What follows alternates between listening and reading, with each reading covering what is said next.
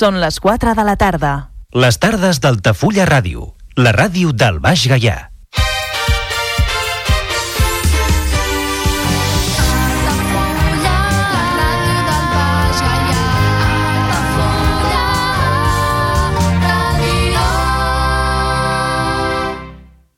Altafulla Ràdio. Serveis informatius.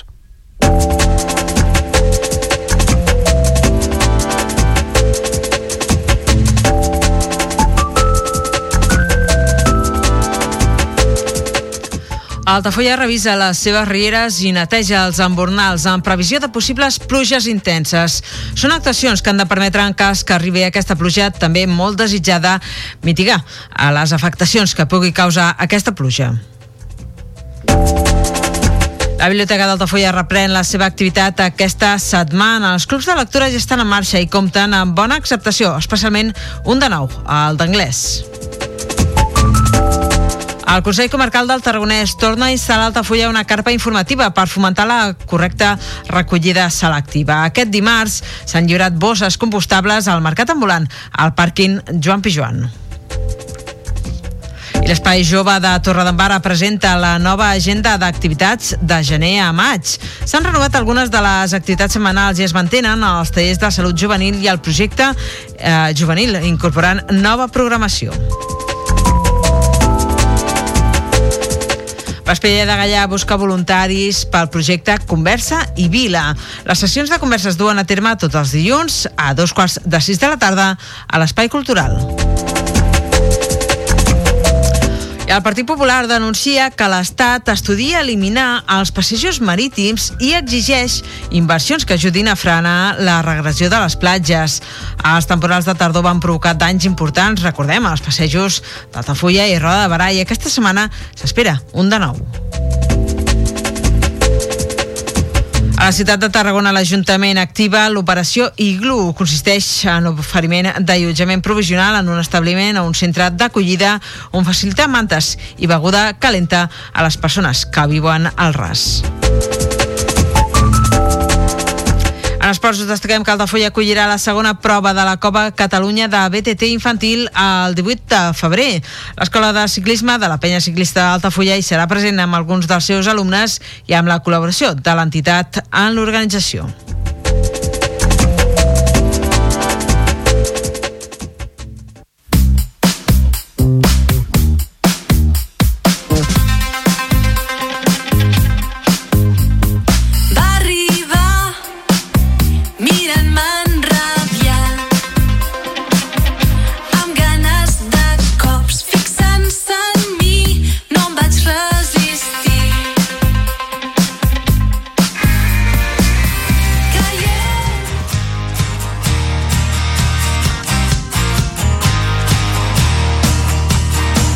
Carrer Major, un programa de ràdio Ciutat de Tarragona, Altafulla Ràdio, Ràdio Montblanc, Ràdio La Selva, Ona La Torre, la nova ràdio de Reus, Ràdio Hospitalet de l'Infant i Baix Camp Ràdio en col·laboració amb la xarxa de comunicació local.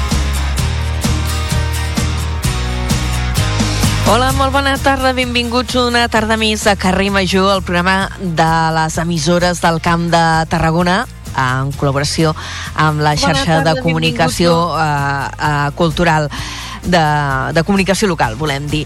Portar mascareta als centres sanitaris, eh, bàsicament als centres d'atenció primària, als CAPs i també als hospitals, ja és obligatori des d'avui. Avui, justament, que el Diari Oficial de la Generalitat ha publicat aquesta mesura que, de moment, es mantindrà uns 15 dies.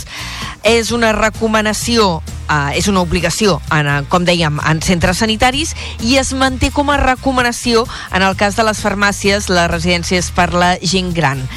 Els contagis de grip eh, continuen pujant a Catalunya amb un nivell de transmissió alt. Segons les dades de salut que s'han actualitzat avui dimarts, el pic estimat acumulat de la incidència és de 344 casos per cada 100.000 habitants, que semblia semblant del que hi havia abans de la pandèmia. Xifres de salut que s'han donat a conèixer avui i també s'han donat a conèixer dades climàtiques. L'any passat, el 2023, va ser l'any més càlid al món des que hi ha registres i la pujada de la temperatura s'aproxima al límit d'1,5 graus. Ho ha confirmat avui dimarts el Servei del Canvi Climàtic Europeu, el Copernicus, que atribueix aquest escalfament global no només a raons naturals, com per exemple el fenomen El Niño, sinó sobretot els gasos d'efecte hivernacle, com el diòxid de carboni. De fet, l'any passat, a més de ser el més càlid, així, en conjunt mai registrat, també ha estat el primer dia, el primer any, volem dir, en què cada dia la temperatura ha estat de mitjana un grau superior al que hi havia en el període preindustrial. A més, aquest 2023 les concentracions de gasos d'efecte hivernacle tot i les crides que hi ha per intentar reduir-los, doncs aquesta concentració ha estat més alta que mai.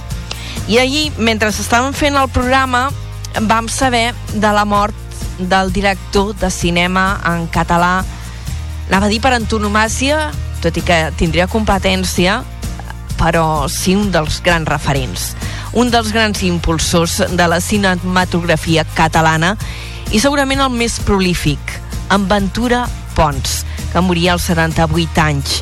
Tot just fa una mica més de mig any, el Festival Internacional de Cinema en Català, el FICCAT, que es fa a Roda de Barà, li concedia el Premi d'Honor Montserrat Carulla.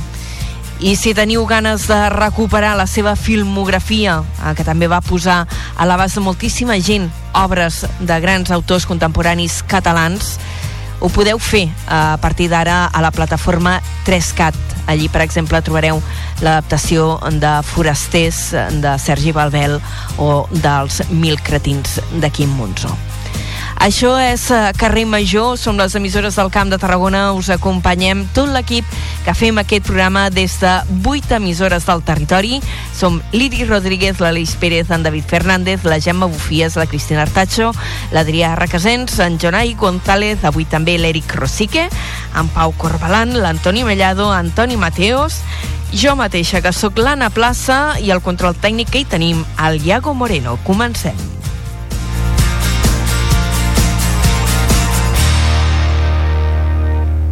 Carrer Major, el primer programa del Camp de Tarragona.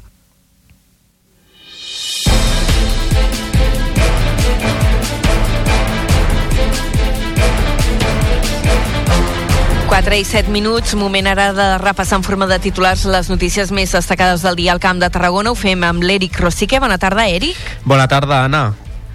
El Diari Oficial de la Generalitat ha publicat avui l'obligatorietat de dur mascareta als centres sanitaris durant 15 dies, una decisió que s'ha pres davant de l'increment d'infeccions respiratòries. De fet, es tracta d'una mesura temporal que inclou els centres d'atenció primària, els hospitals i també els centres sociosanitaris. De moment, és només una recomanació al seu ús en farmàcies, residències i espais on conviu gent gran. La patronal tarragonina, la Confederació Empresarial de la província de Tarragona, s'ha posicionat en contra de la proposta del Ministeri de Sanitat de baixes automàtiques de 3 dies per afeccions lleus. Amb aquesta mesura es vol reduir la pressió a l'atenció primària davant aquest increment exponencial d'infeccions respiratòries durant les darreres setmanes.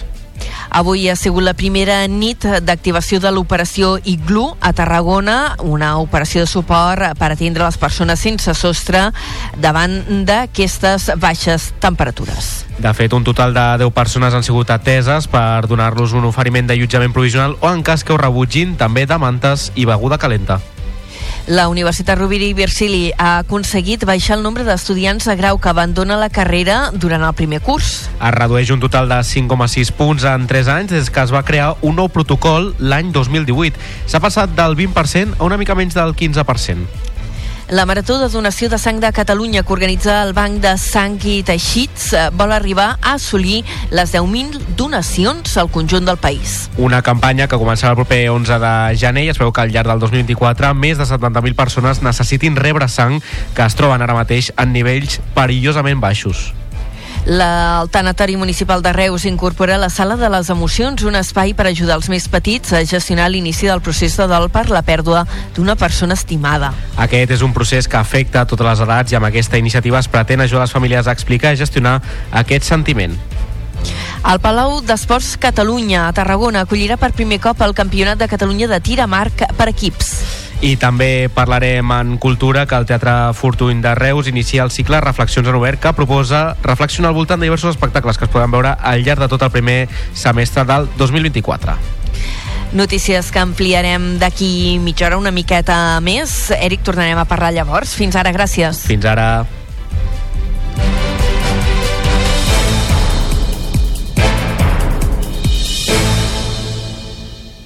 Carrer Major. Toni Mateos.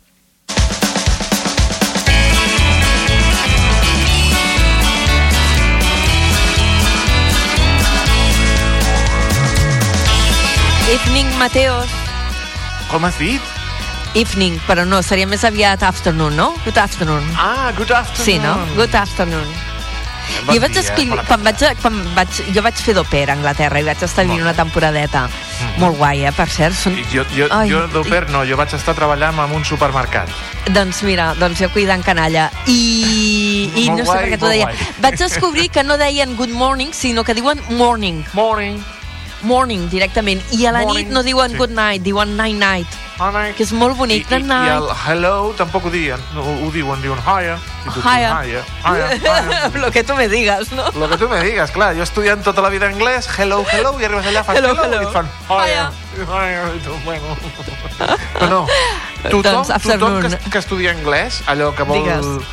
Que, tothom que vol que estudia anglès o que vol perfeccionar el seu anglès hauria de passar una temporada a, a Anglaterra, però en un lloc xungo, com jo, que vaig estar a Leeds, que allà no diuen bat, allà diuen boot, no diuen bus, diuen bus, o no diuen eh, afternoon, diuen afternoon, i són, molt, molt, molt... Jo, jo vaig viure al sud, eh? I allí parlaven molt clar i un anglès tan canònic, era tan bonic, tan Jo era al britànic. nord, al nord, tocant a Escòcia, allò era... Uf, era, uf, uf. allò era...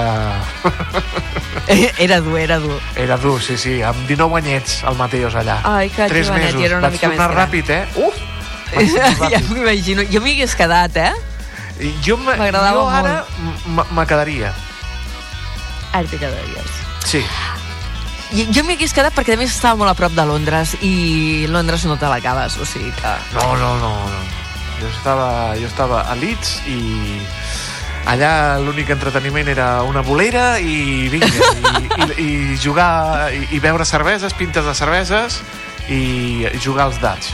Mira, abans que ens avancis el contingut de les 5 Sí, de la tarda, diré una fricada, perquè jo vivia a tocar de Winchester, que és on es conserva, diuen, diuen, diuen, la, la mesa redonda, la taula rodona del rei Artur. Vaja, I jo l'he vista. I la tinc vist la fotografiada. taula? I tant. molt bé, molt Superguai. bé, molt bé. Diuen, diuen, Jo- diuen, què és? Diuen, diuen, diuen. Jo vivia a Leeds, eh, bueno, en un, poble, en un poblet al, molt a prop de Leeds, i allà hi havia un observatori eh, de les estrelles, per les estrelles. Oh, que xulo. Mira, I, com bueno, aquí, la al. Montsant. Leeds i aquestes coses, sí, sí. Perfecte. Escolta, que ens diuen que a Reus ja tenim la nostra convidada, que per cert... Ah, no, hola, la Noemí Llaurador encara no hi és. Quan estigui a Visa, pujant, tot ok. Ja la tenim allí, per tant, la presidenta de la Diputació avui és la nostra convidada de primera hora, ja ho hem avançat, Ah. eh, i, i mentre, no, per, per no fer-la posar nerviosa, eh, per no fer-la esperar massa, Toni Mateos, fet Sí. aquesta introducció que ens enrotllem sempre, què Sí. faràs a partir de les 5? Doncs mira, eh, continuarem a Reus perquè parlarem amb el FACA. El FACA Eh? és un creador de continguts reusenc que té un munt de seguidors a les xarxes socials i que fa vídeos molt divertits i el coneixerem aquest eh, creador de continguts. A la secció de col·laboradors, mira, parlarem, eh, hem parlat de viure a l'estranger, doncs parlarem amb un noi de Cambrils que va estar vivint i estudiant a l'estranger, a Estrasburg, Medicina. Alerta Medicina. bonic. Molt bé. ODS, eh, amb la Georgina Flore- Florejacs, Home. coordinadora del projecte Dones Cistelleres, la banda Perfecte. sonora del Camp de Tarragona i és mes de gener, d'aquí dos dies és Sant Antoni, com aquell que diu, i tornen Sí, festa major al meu poble. Sí, sí. Tres toms de Valls. Parlarem amb la secretària de la Societat Sant Antoni de Valls, amb la furgoneta. Mm. Molt bé. Molt bé, doncs tot això a partir de les 5 de la tarda amb Toni Mateos, l'Aleix Pérez i companyia. El, Toni, mm, doncs fins després. Jo ara vaig a, vaig a entrevistar la presidenta de la Diputació, que he començat a fer llista de temes i ja sé que no tindrem temps ni de, de parlar ni de la meitat. Però alguna cosa farem. Te dic, afternoon. Afternoon. Fins Adéu. després. Bye. Adéu.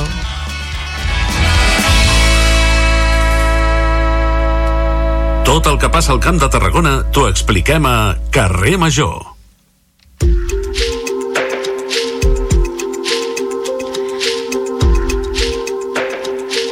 Punt és un quart de cinc de la tarda i us ho dèiem, avui la nostra convidada en aquesta primera hora del programa és la presidenta de la Diputació de Tarragona, la Noemi Llaurador. Senyora Llaurador, bona tarda.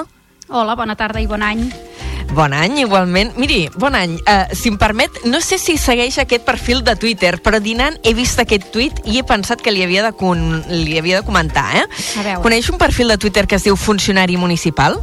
No, perquè jo Doncs- soc funcionària de la Generalitat. Mira, me l'hauré d'apuntar aquest. Ah, sí, perquè riurà. La gent que coneix el món polític i administratiu eh, una mica des de dintre sí. és francament mordàs. Vinga. Doncs avui ha piulat. La setmana passada tothom deia benvolguts Reis d'Orient. Aquest any demano i aquesta setmana els ajuntaments diuen benvolguda diva, que seria la Diputació de Barcelona, Sí. en aquest cas ho canviem, li posem la dipta, benvolguda dipta, Diputació de Tarragona, de la convocatòria de subvencions del catàleg de servei, aquest any demano...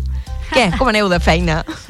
doncs, escolta'm, és un paral·lelisme ben bo, eh? L'hauré de seguir, aquest, aquest tuit de, del funcionari municipal, perquè és cert que les diputacions, i en el cas doncs, que em correspon a mi la Diputació de Tarragona, és un suport molt important, un puntal molt important per als ajuntaments, eh, per la cartera de serveis que efectivament tenim, pels ajuts econòmics que també doncs, eh, atorguem, per les assistències tècniques i per tant una mica de paral·lelisme de les diputacions amb els tres Reis d'Orient eh, podria ser, en, en lloc de tres n'hi ha quatre aquí, eh? Sí, quatre diputacions, qua, quatre La- Reis les quatre d'Orient serien. provincials. Um, això de demanar diners. Dèieu, uh, i ara anem repassant una mica les qüestions de- d'actualitat que, que ens porten o que ens remeten a la Diputació. A la tardor presentàveu uh, un projecte o una iniciativa que, que vau batejar amb el nom d'Impuls Dipta per facilitar uh, la relació amb els ajuntaments. Dèieu que l- el vostre objectiu era reduir un 75% els tràmits administratius, facilitar aquesta reunió, ja que la Diputació, un dels seus papers eh, fonamentals és aquest suport a, al món local. Ara que ja han passat dos o tres mesos des de que vau presentar-ho, com, com està funcionant? Bé, encara no està en funcionament, vam fer la presentació, primer calia doncs, eh, també aprovar els pressupostos per començar a dotar doncs, aquesta nova eina de cooperació que significarà un abans i un després. Jo sempre ho dic eh, de la manera que tenim de relacionar-nos com a Diputació amb els diferents ajuntaments i que ha estat sobretot fruit d'escoltar els alcaldes, les alcaldesses, els regidors i regidores, aquest món local, de quines són les necessitats eh, que tenien en relació amb la Diputació i sobretot un reclam que era bastant unànime de dir hauríem de mirar de simplificar al màxim els tràmits perquè sobretot en ajuntaments molt petits en què sobretot els tràmits els acaben fent doncs, possiblement els mateixos regidors, regidores, els alcaldes i les alcaldesses doncs segons com participar en convocatòries d'ajuts, de subvencions, no només de la Diputació sinó també d'altres administracions en les quals poden concórrer representa realment un treball molt feixuc. I per tant si trobàvem un mecanisme que ho pogués simplificar i que poguessin assolir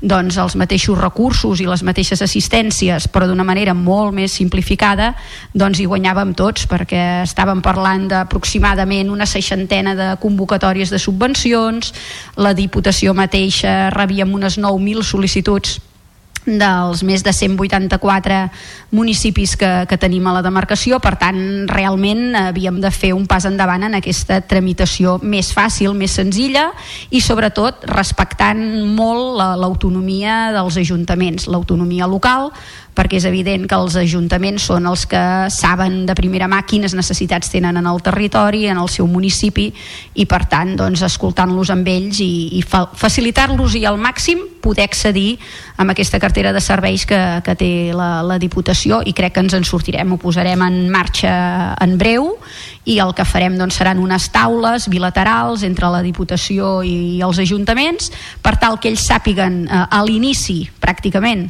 del mandat, amb quins recursos compten per part de la Diputació i per tant que puguin planificar ja sigui les inversions que volen dur a terme en els seus municipis, ja sigui també doncs, un, un percentatge de despesa corrent que també els hi fa falta i que també hi poden accedir a través de, de la Diputació. Jo crec que serà, com et deia, eh, un abans i un després i, i que serà molt ben valorat per tots els ajuntaments perquè busquen això, sobretot simplificar la burocràcia, eh? que és una cosa que, que és recurrent, no només entre els ajuntaments, sinó probablement també entre la ciutadania. Eh, De fet, aquí anava jo, perquè a banda de fer aquesta tasca de suport als ajuntaments, la Diputació també eh, té unes importants línies de subvencions a entitats, entitats esportives, culturals, a l'àmbit social, i quan aprovàveu els pressupostos també una de les coses que vau manifestar és que eh, volíeu facilitar l'accés a aquestes línies de, de subvencions i avançar-ne la resolució, no? perquè enguany, per exemple, i ara ja par, eh, li plantejo un cas personal, formo part d'una entitat de, de Vilaseca que ens va arribar la subvenció eh, per programar teatre a finals d'any i dius, ostres, però ara, si ara ja tenim eh, tancada la programació, no? I et trobes amb, amb desajustos Sí. d'aquests. Això se pretén corregir. Exacte, és el fet de poder disposar ja doncs, de les partides corresponents a l'inici de, de l'exercici per tal de que les convocatòries surtin molt abans, això en el cas de les entitats, eh? els ajuntaments ja et dic anirem per aquesta altra via que és un mitjà de cooperació i que per tant va per una altra via, eh? però pel que fa a les entitats, doncs convocar el més aviat possible per tal doncs, de que eh, puguem resoldre també quan abans millor i que les entitats, doncs, si bé segurament han d'avançar els diners uns mesos abans que no hagin d'esperar eh, doncs massa més eh, per tal doncs, de, de cobrar la subvenció per part de la Diputació. En som conscients perquè doncs tots els diputats i diputades que som a la Diputació som regidors, regidores, alcaldes o alcaldesses dels ajuntaments, ens passa el mateix en els ajuntaments en relació amb aquestes entitats i quasi tots també, poc o molt estem vinculats amb entitats i, i sabem de les dificultats que les entitats doncs, també també tenen i hem d'empatitzar-hi i hem de facilitar la vida, que per això també estem, que ja és prou complicada de per si, no? déu nhi eh, Parlant d'aquests pressupostos, els vau aprovar a principis del mes de desembre, pujaven més de 200, eh, ho dic de memòria, eh, en més de 200 eh, milions d'euros, em sembla que 208. Sí, 208, sí, sí. Uh, amb un increment del... perquè no m'ho havia apuntat al guió, dic, tiraré de memòria perquè sóc així de xula. Vas bé, Eh, vas bé. Uh, S'havien incrementat un 10%. Uh, gràcies a què és possible aquest increment? Bé, amb la, bàsicament els ingressos ens venen per la participació en els ingressos de l'Estat i doncs, eh, aquesta vegada també això ens afavoreix i per tant tenim més ingressos a, a través de la participació de, de l'Estat, com et deia, i això ens permet doncs, a, a augmentar, però també també percebem algun tipus de, de preus públics, de, de tarifes, doncs perquè tenim també eh, equipaments com els centres d'educació especial, els conservatoris i les escoles de música, les escoles d'art i, i disseny, això també ens donen un, una sèrie de, de preus públics que també representen uns ingressos per part de, de la Diputació i aquesta participació, sobretot, eh, positiva per part de, de l'Estat doncs ens fa que hagi pujat, hagi incrementat eh, el pressupost. I vau aconseguir una àmplia correlació de forces. De fet, hi van votar a favor eh, quatre dels cinc partits que estan representats uh -huh. ara a la Diputació, els que esteu al govern, Esquerra i PSC, per descomptat, però també vau aconseguir el suport de Junts, del PP, els únics que hi van votar en contra eh, van ser Vox. Es manté, uh -huh. doncs, aquesta mena d'estabilitat política de d'harmonia que, sí. per dir-ho d'alguna manera harmonia política que no s'aconsegueix als ajuntaments però que fa anys que sembla que impera la, a la Diputació tot i que eh, després de les eleccions del maig de l'any passat vau configurar un govern amb una correlació de forces diferents de la que hi havia abans Uh -huh. És un dels nostres objectius principals. De fet, en el discurs d'investidura que vaig fer jo mateixa no? a l'inici del, del mandat, el, el juliol d'enguany, de, ho vaig dir, no? que jo treballaria per cercar sempre doncs, aquest eh, ampli consens, eh, dialogar molt, parlar, doncs, evidentment, amb tots els grups, ja siguin a l'oposició, ja siguin, evidentment, eh, al govern, perquè doncs, eh, la demarcació es mereix tirar endavant molts reptes eh, i moltes oportunitats que es generaran i, per tant, eh, diguem, la Diputació ha de transcendir una mica eh, aquest possible tacticisme que existeix més doncs, en altres administracions i pensar doncs, que tot el que es vol tirar endavant des de la Diputació beneficia el conjunt dels municipis i evidentment al capdavant del conjunt dels municipis doncs, hi ha diversitat de colors polítics i a més a més també hem de pensar que tirem endavant eh, doncs, projectes i accions que tenen a veure, com vostè deia molt bé, en les entitats eh, culturals, socials, esportives, però també fins i tot no? amb petites empreses, microempreses o persones autònomes, per exemple en l'àmbit cultural se m'acudeix i per tant eh, val la pena que aquesta gent eh, vegi que això tira endavant i requereix doncs, d'aquest doncs, consens polític. Jo crec que és una de les qüestions que la ciutadania acabem valorant més, no? que, que sapiguem eh, sobreposar-nos a interessos molt legítims eh, a nivell de partit, però que sapiguem que allò que és estratègic que busca doncs, una finalitat última que és millorar la vida de la gent, doncs ens aconseguim posar d'acord. Això també és feina nostra, treballar per aconseguir aquests acords i tirar endavant eh, els projectes. Jo crec que aquest és el tarannà de la Diputació des de sempre, ha de continuar sent així i jo crec que també totes les persones, eh, diputats i diputades que hi són, ho tenen molt interioritzat i que per tant també veuen eh, molt positiu eh, arribar a aquests acords i amb aquests consensos que ha de ser doncs, eh, la tònica general. Ara has comentat una, una de la línia d'ajuts que, que té la Diputació que, que és relativament nova, eh, perquè em sembla que va néixer el, o, el, o almenys se li va donar un impuls impulsa, eh, important en l'anterior mandat, que és el del mm. suport a creadors del territori. Sí. Eh, com està anant? Quin, quin balanç en feu d'aquesta línia? Perquè això, això va ser bastant nou.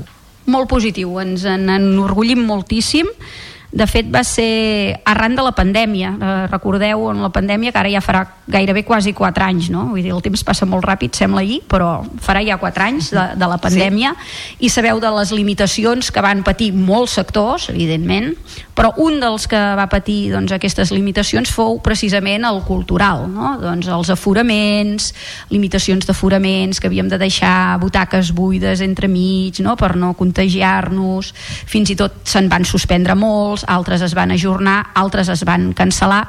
I en l'àmbit de la cultura doncs, també hi ha molta indústria cultural i moltes persones que viuen de l'àmbit de, de la cultura. I per tant es va veure afectat també un sector important econòmic de la nostra demarcació un dels motors econòmics. Nosaltres diem que és la, la cultura, hi ha molta gent que viu de, de la cultura. I vam decidir que des de la Diputació un flanc que podríem cobrir nosaltres i que potser altres administracions doncs, s'enfocaven en altres sectors com podria ser doncs, el turístic o, o la restauració o el comerç, doncs nosaltres podíem abordar aquest altre franc que era el, el, de, el de la cultura. I llavors vam treure aquestes línies d'ajuts per a microempreses per tant empreses molt petites i persones autònomes de l'àmbit cultural. I això ho vam ho vam lligar tot eh, a través de videotrucades, tots els diputats i diputades, recordo el diputat de Cultura en aquell moment, el senyor Jordi Cartanyà, que va fer aquesta proposta, la vam veure bé i també de manera consensuada doncs, eh, va formar part també d'una mena de pla de reactivació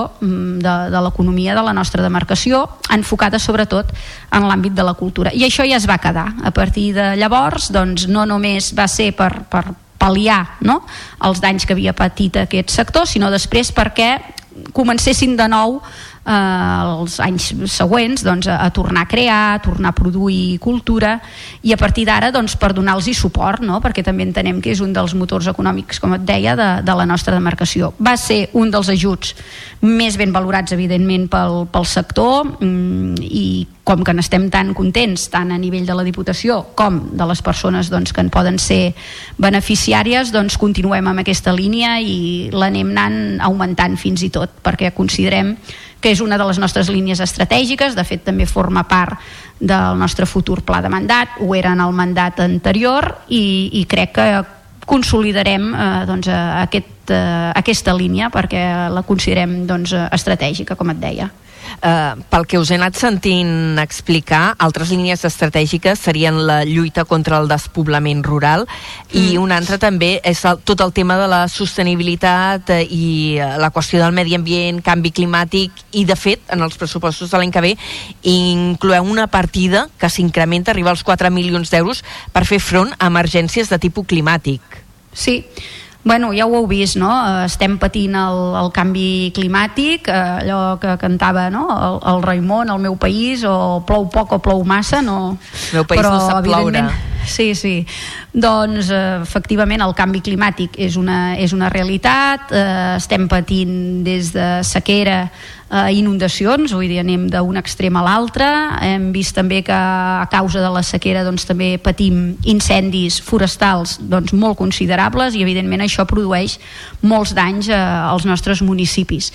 Llavors vam veure que calia també, evidentment, ajudar els ajuntaments per tal de pal·liar els efectes d'aquest canvi climàtic i sobretot arran d'aquests fenòmens meteorològics extrems que, evidentment, són conseqüència d'aquest canvi climàtic que estem, que estem experimentant. I llavors, com hem vist que cada any, malauradament, doncs eh, hem d'ajudar amb aquests municipis doncs eh, la partida mica en mica va, va augmentant fins al punt doncs, que aquest 2024 hem considerat que calia dotar-la de manera molt significativa eh, amb aquests 4 milions d'euros tant de bo no l'hàgim de- d'exaurir de, però eh, més val doncs, eh, ser previnguts, disposar-la i, que, i que puguem col·laborar doncs, amb els municipis, per tant doncs, que puguin reparar danys, i no només per tal de reparar els danys, sinó fins i tot per prevenir-los, no? mirar d'adequar-nos al màxim amb aquests fenòmens que ens poden venir i que siguin el més lleus possibles dins de, dins de, la, de la gravetat que poden ocasionar. Mhm. En altres exercicis havíeu tingut programes de, de suport a la gestió forestal, enguany hi haurà també? Sí, sí, sí, sí, correcte. És molt bo eh, aquest, aquest cas que poses perquè és eh, molt significatiu d'aquesta voluntat també de, de prevenir per tal doncs, de, doncs, de mantenir els boscos eh, nets, en bones condicions, no? que no es puguin propagar amb facilitat ni que pugui anar el foc doncs, cap a les zones eh, més urbanitzades i per tant ajudar també els ajuntaments, els municipis amb aquesta voluntat de prevenció d'incendis que són, ja et dic, cada vegada més extrems a causa precisament de, d'aquest canvi climàtic i per tant hem de conscienciar doncs, els municipis que s'han de preparar, que ja hi estan conscienciats i donar-los aquestes eines, aquestes assistències també, no és només suport econòmic, també hi ha assistències tècniques per tal doncs, de- d'estar previnguts i evitar doncs, que aquests fenòmens eh, puguin ser massa greus. Um, li parlava també d'una altra de les línies estratègiques de, de les quals heu parlat moltes vegades um, des del govern de la Diputació, eh, que és la lluita contra el despoblament rural, i repassant coses de, dels pressupostos de- d'enguany de, de la Diputació, m'ha cridat l'atenció, com un dels projectes singulars que hi figuren, és eh, una línia d'ajuts per tirar endavant un projecte de lloguer jove a Blancafort, a la Conca de. Barberà. Mhm. Eh, Sí, la, sí, sí, l'habitatge digui'm. és una de les línies que ens pot ajudar a combatre aquest despoblament perquè evidentment eh, les persones eh, ens volem quedar a viure en municipis més petits o de comarques més d'interior o continuar vivint allí on hem nascut sempre i quan tinguem una sèrie no, de, de serveis que considerem essencials, que considerem bàsics i sens dubte uns dels més essencials i bàsics és l'habitatge sovint quan els diputats, diputades, jo mateixa visitem els municipis, doncs els alcaldes i les alcaldesses ens comenten és que clar, tenim dificultats d'oferir doncs, lloguer no? a la gent que es voldria quedar o gent que voldria venir a viure aquí als nostres municipis perquè ara doncs, amb el teletreball doncs, eh, facilita no? que, que la gent també vulgui anar doncs, a gaudir d'altres aspectes que pots no gaudir en, en una ciutat més gran però tenim dificultats perquè no podem oferir doncs, habitatge i en aquest cas doncs, a Blancafort eh, van tenir la bona iniciativa d'acollir-se doncs, amb subvencions que dona la Diputació per tal doncs, de, de promoure habitatge en aquest cas doncs, per a rehabilitar eh, habitatges que són propietat o que són cedits en un termini considerable als ajuntaments per rehabilitar-los i destinar-los a habitatge. Inicialment només preveiem que es pogués destinar habitatge per a, per a finalitats socials, però després també vam veure que aquesta era una molt bona eina per combatre el despoblament i també vam dir que s'adonarien subvencions per tal d'arrelar gent al, al territori. I Blancafort doncs, ha acollit, eh, ha altres municipis que, que s'hi estan acollint. De fet eh, cada vegada més estem exaurint aquesta partida de, de subvencions per, per fer habitatge i, i cada vegada també l'anem augmentant progressivament perquè veiem que ben bé no és una política d'habitatge perquè evidentment les polítiques d'habitatges doncs, o les fa la Generalitat o el mateix eh, Ajuntament però sí accions que contribueixen a fer polítiques d'habitatge Eh, presenta, són les 4 i 33 minuts. Ens queda poc temps d'entrevista i jo tinc moltíssimes coses per preguntar-li. Ara que ens situàvem en, en aquest cas concret de, de Blancafort, a la Conca de Barberà, eh, a la Conca de Barberà, però no només allí, també a l'Alt Camp eh, i part del Baix Camp, hi ha preocupació per les línies de molt alta tensió. Mm. Eh, amb aquests projectes de Forestalia que travessen en part el nostre territori, el Camp de Tarragona. Mm. Eh, la Diputació eh, s'hi viu implicat presentant al·legacions. Eh, com està tot plegat? Sí, nosaltres ens vam fer ressò d'aquest sentir que hi havia entre aquests municipis, també els consells comarcals, i evidentment els vam acompanyar, eh, vam fer doncs, els nostres preceptius informes i fins i tot ara les resolucions que hi ha hagut eh, doncs, que no donaven la raó a aquests municipis i aquests consells comarcals, doncs també hem, hem recorregut no? eh, aquesta, aquesta resolució perquè considerem doncs, que mm, no s'ajusta al que nosaltres consideraríem més oportú, que és que l'energia doncs, s'ha de generar en el propi territori, no, el nostre territori no ha de servir només per tal de que passin no? L'energia cap a una altra banda, sinó que hauríem de pensar més doncs, en l'autogeneració, amb, amb l'autoconsum i per tant estem en aquesta línia també de preservació del paisatge, no? d'un paisatge que també representa un valor eh, i que nosaltres sempre hi posem molt d'èmfasi, el paisatge també és un valor a nivell doncs, de, de turisme, de dinamització econòmica de, del nostre territori i per tant aquestes línies de molt alta tensió eh, doncs no, no s'ajusten al, al model que nosaltres tenim i per tant acompanyem també els, els municipis i els consells comarcals que estan en, en la mateixa línia. Evidentment estem a favor de les energies eh, renovables però creiem que els municipis han de poder dir la seva, han de poder fer sentir la seva veu en el que és la planificació de tot el que representa doncs, les energies renovables i que evidentment hi ha d'haver un equilibri també en la distribució de la generació de l'energia renovable i sobretot apostar per això, no? per l'autogeneració i per, i per l'autoconsum eh, en el sentit doncs, de, de que sigui el més racional possible i el més sostenible possible els tres àmbits, eh, sostenible ambientalment, econòmicament i socialment. Eh, com tenim el desplegament de fibra òptica, presidenta? Perquè la Diputació en els últims anys ja havia estat treballant per fer-la arribar també a, a tot arreu del territori, també com un element més de lluita contra el despoblament de l'interior.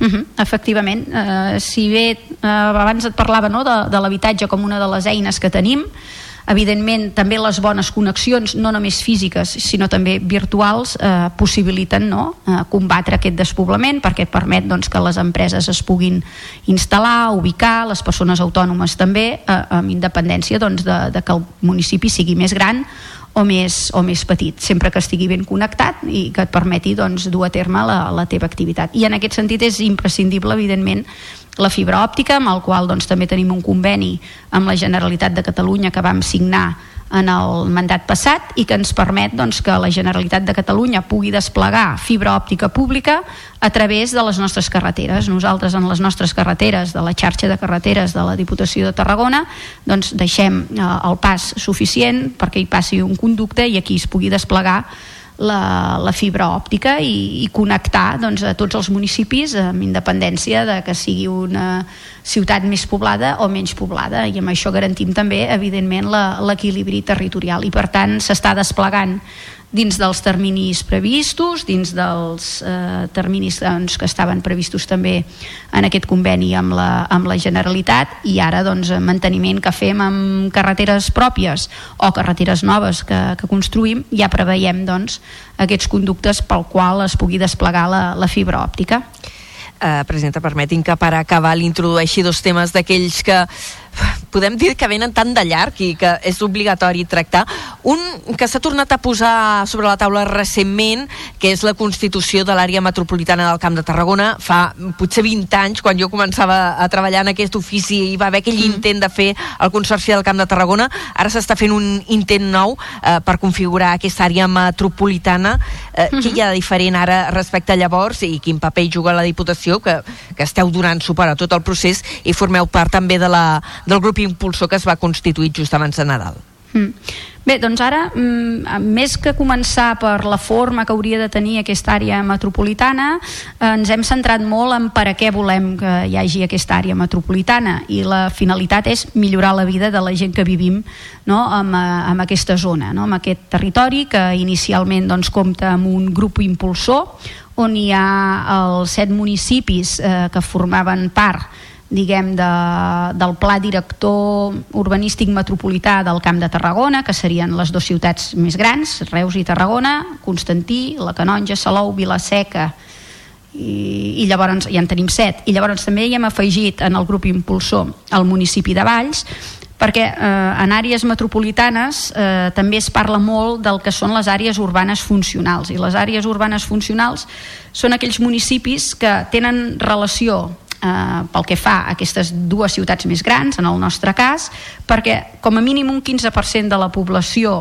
eh, ocupada doncs treballa eh, en una d'aquestes dues ciutats. Per tant, una miqueta, eh, anàvem a engrandir una miqueta l'àmbit eh, inicial d'aquesta àrea metropolitana.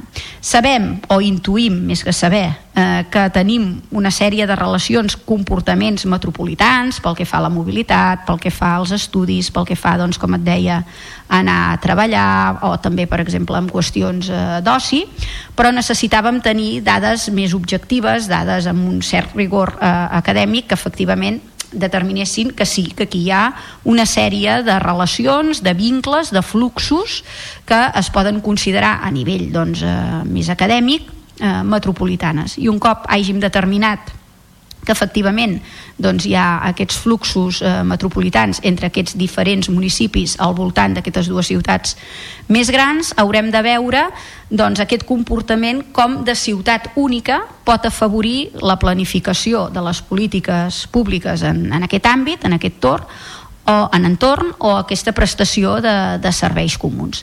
Llavors el que vam decidir en el marc d'aquest grup impulsor en el qual doncs, la Diputació fa un paper de paraigua, mm, d'aixopluga no? aquesta voluntat, aquest sentir que hi ha hagut en aquests municipis doncs eh, farem una sèrie de taules de, de treball amb diferents àmbits, amb diferents temàtiques com poden ser la mobilitat, com pot ser doncs, la planificació urbanística, com pot ser eh, temes de més energia, temes de, de gestió de, de residus o temes més, més econòmics, per tal doncs, avançant cap a una futura àrea metropolitana. Ara per ara no es parla de la forma jurídica que ha d'adoptar aquesta àrea metropolitana, però a mig, a llarg termini, doncs evidentment s'haurà de prendre un determini de, de donar-li algun tipus de personalitat jurídica, que no necessàriament ha de ser un nou ens local, sinó que pot ser doncs, des d'un consorci o una agència, eh, etc. Ara mateix no estem en aquest punt, només estem en aquest punt de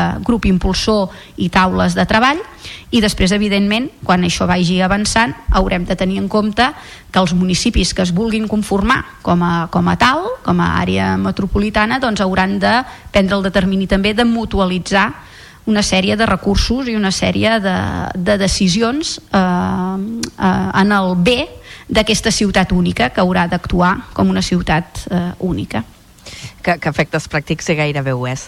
Uh, ah, jo soc, jo soc de les que es mou eh, pel territori de Vilaseca, me'n vaig a veure tot, sí, a, a Torredembarra, passant per Tarragona, vull dir, més no ens podem moure. Uh, presidenta, l'altre tema és de pregunta obligatòria i suposo que potser hasta li fa mandra que li pregunti, no, perquè és d'aquests no temes enquistats, ja s'imagina quin és, oi? A veure, podria fer una aposta. No sé si m'equivocaria. A veure, sí. Hard Rock? Sí. No? No? Mira, I anava a preguntar per la Sabinosa. Ah, mira, molt bé, doncs millor. Millor?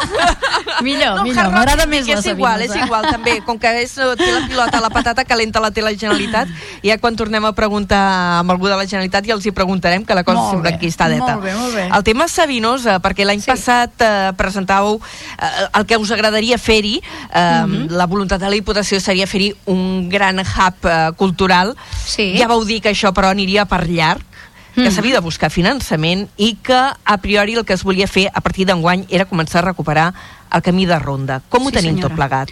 Molt bé, doncs mira, Traxa, que és l'empresa pública de l'Estat, eh, que és mitjà propi de, de la Diputació, està en aquests moments ja redactant el projecte, del camí de ronda i la voluntat és que de cara a l'estiu, si tot va bé, doncs ja comencen a iniciar-se les obres que podrien estar acabades doncs, el, el 2025, de manera que començaríem eh, amb molt bon peu a, a aquest mandat per poder doncs, eh, facilitar el pas per a, per a vianants, no només per als tarragonins i tarragonines, sinó que evidentment pensem en el conjunt de, de la demarcació.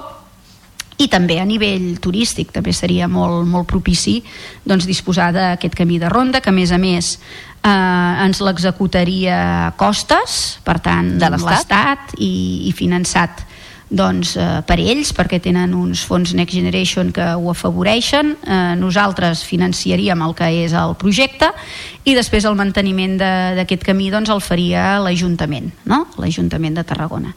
El positiu i que ens encoratja a veure i la llum finalment de, de tot plegat és que totes les administracions implicades no? o que hi han de dir alguna cosa doncs ho, ho veuen bé començant per l'Ajuntament de Tarragona, que és el municipi on està ubicada doncs, la, la finca de la Sabinosa, la Diputació, evidentment, que n'és la propietària, la, la titular, la Generalitat de Catalunya, que finalment doncs, eh, dins de la finca també hi ha de poder dir urbanísticament doncs, la seva, hi ha de fer-ne l'aprovació definitiva, i l'Estat pel que fa al camí de ronda, perquè com et deia doncs, ho executarà eh, la Direcció General de, de Costes. Per tant, totes aquestes administracions també hem aconseguit aquest consens amb el qual doncs, iniciàvem l'entrevista eh, i que també és molt positiu per tirar endavant doncs, en aquest cas aquest projecte. I després a dins de la finca, doncs, efectivament, com deies, aquest hub cultural que tenim la voluntat doncs, de desplegar i que eh, ara per ara el que hem fet és presentar ja el que seria la determinació, el pla funcional de determinació d'usos de què fer-hi en aquesta finca perquè doncs, eh, no cal fer cap modificació en el planejament de, de l'Ajuntament de, de Tarragona, simplement concretar doncs, eh, quins usos tindran eh, que han de passar per ser equipaments públics, que és tal com està classificat urbanísticament aquella finca segons el planejament general de, de l'Ajuntament de Tarragona. I aquest plat funcional ja està fet o esteu en procés de... Eh, el pla de determinació d'usos ja està presentat a l'Ajuntament de Tarragona, però això no és el projecte, eh? això només és la determinació dels usos. Escolteu, mira, els usos d'equipaments públics per la Diputació de Tarragona passa perquè siguin usos culturals, eh? simplement és, és això. I un cop doncs, eh, això estigui aprovat, llavors és quan haurem de començar a encarregar i a redactar el que és el projecte de la construcció doncs, de, de, dels equipaments, de la instal·lació, no? de- de- d'usos culturals que passen, doncs, ja, ho, ja ho vam dir, no? per, per aquest auditori, per aquesta residència doncs, artística, perquè es generi creació, perquè es generin aquestes sinergies amb diferents tipus de- d'arts, de, de diferents tipus de- d'artistes, i per tant eh, doncs es torna a veure no? aquesta voluntat que té la Diputació de- d'afavorir la cultura en el nostre territori i que puguem ser referents com som al, al sud del país, no? la, la Catalunya Sud, en, en àmbit cultural i que se'ns pugui identificar eh, d'aquesta manera. Això va més a, a llarg termini i com que va més a llarg termini segurament tindrem ocasió en altres programes de tornar-ne a parlar amb la, amb la presidenta de la Diputació de Tarragona que ens ha acompanyat eh, avui a Carrer Major li agraïm moltíssim la confiança que hagi vingut al programa i com que ens han quedat coses al tinter ja, ja la tornarem a convidar un altre Molt dia. bé, Moltíssimes gràcies, a vosaltres, eh, serà un plaer. Moltes gràcies. Fins la propera. Gràcies, Déu. Fins la propera. Carrer Major, al Camp de Tarragona, des de ben a prop. Són les 4 i 47 minuts, poquet temps ens queda per l'informatiu. Avui ens hem allargat una mica més del compte amb la entrevista. Saludem de nou l'Eric Rosique per fer les notícies. Eric, bona tarda. Bona tarda, Anna. El diari oficial de la Generalitat de Catalunya ha publicat avui l'obligatorietat de dur mascareta als centres sanitaris almenys durant 15 dies. Es tracta d'una mesura temporal que inclou, com dèiem, els centres d'atenció primària, els hospitals i també els centres sociosanitaris. De moment és només una recomanació el seu ús en farmàcia, residències i espais on conviu gent gran. Els contagis de grip continuen pujant a Catalunya amb un nivell de transmissió alt. Segons les dades de salut actualitzades aquest dimarts, el pic estimat actual d'incidències de 344 casos per 100.000 habitants, semblant al d'anys anteriors a la pandèmia quan s'havia arribat a situar al voltant de 350-400 casos per 100.000 habitants. En total s'han diagnosticat fins a 14.903 casos de grip a l'atenció primària, molt per sobre de les temporades anteriors marcades per la Covid-19. La patronal tarragonina, la Confederació Empresarial de la província de Tarragona, s'ha posicionat en contra de la proposta del Ministeri de Sanitat de baixes automàtiques de 3 dies per afeccions mm, lleus. Amb aquesta mesura es vol reduir la pressió a l'atenció primària davant de l'increment exponencial d'infeccions respiratòries durant, com dèiem, aquestes darreres setmanes. El nou president de la CEPTA, Xavier Rigau, que va accedir al càrrec a la tardor, considera que aquesta proposta és desencertada perquè pot derivar en un increment de l'absentisme laboral, una qüestió que ja preocupa l'empresariat. hi ha el tema del absentisme laboral, vull dir que ara ha sortit aquest matí sortia la idea de que el, el, els, els treballadors se poden fer una autobaixa de tres dies, de la qual encara si teníem absentisme doncs això es pot disparar, perquè esclar, sense cap eh, prescripció metge ni res, doncs el, el, els tres primers dies, que a més són els que paguen les empreses, doncs el, els treballadors poden, se poden, donar, poden fer una baixa. I això és impensable. En una entrevista al programa Carrer Major, el president de la CEPTA també s'ha mostrat escèptic amb les negociacions entre govern, patronal i sindicats per incrementar el salari mínim interprofessional. Rigau adverteix que un increment de sou sumat a la inflació pot afectar els comptes de resultats de moltes empreses. però hi ha moltes feines que són molt intensives en personal i aquest, i aquest increment d'un punt o dos punts de, que se't desvi eh, pot ser perdre o guanyar.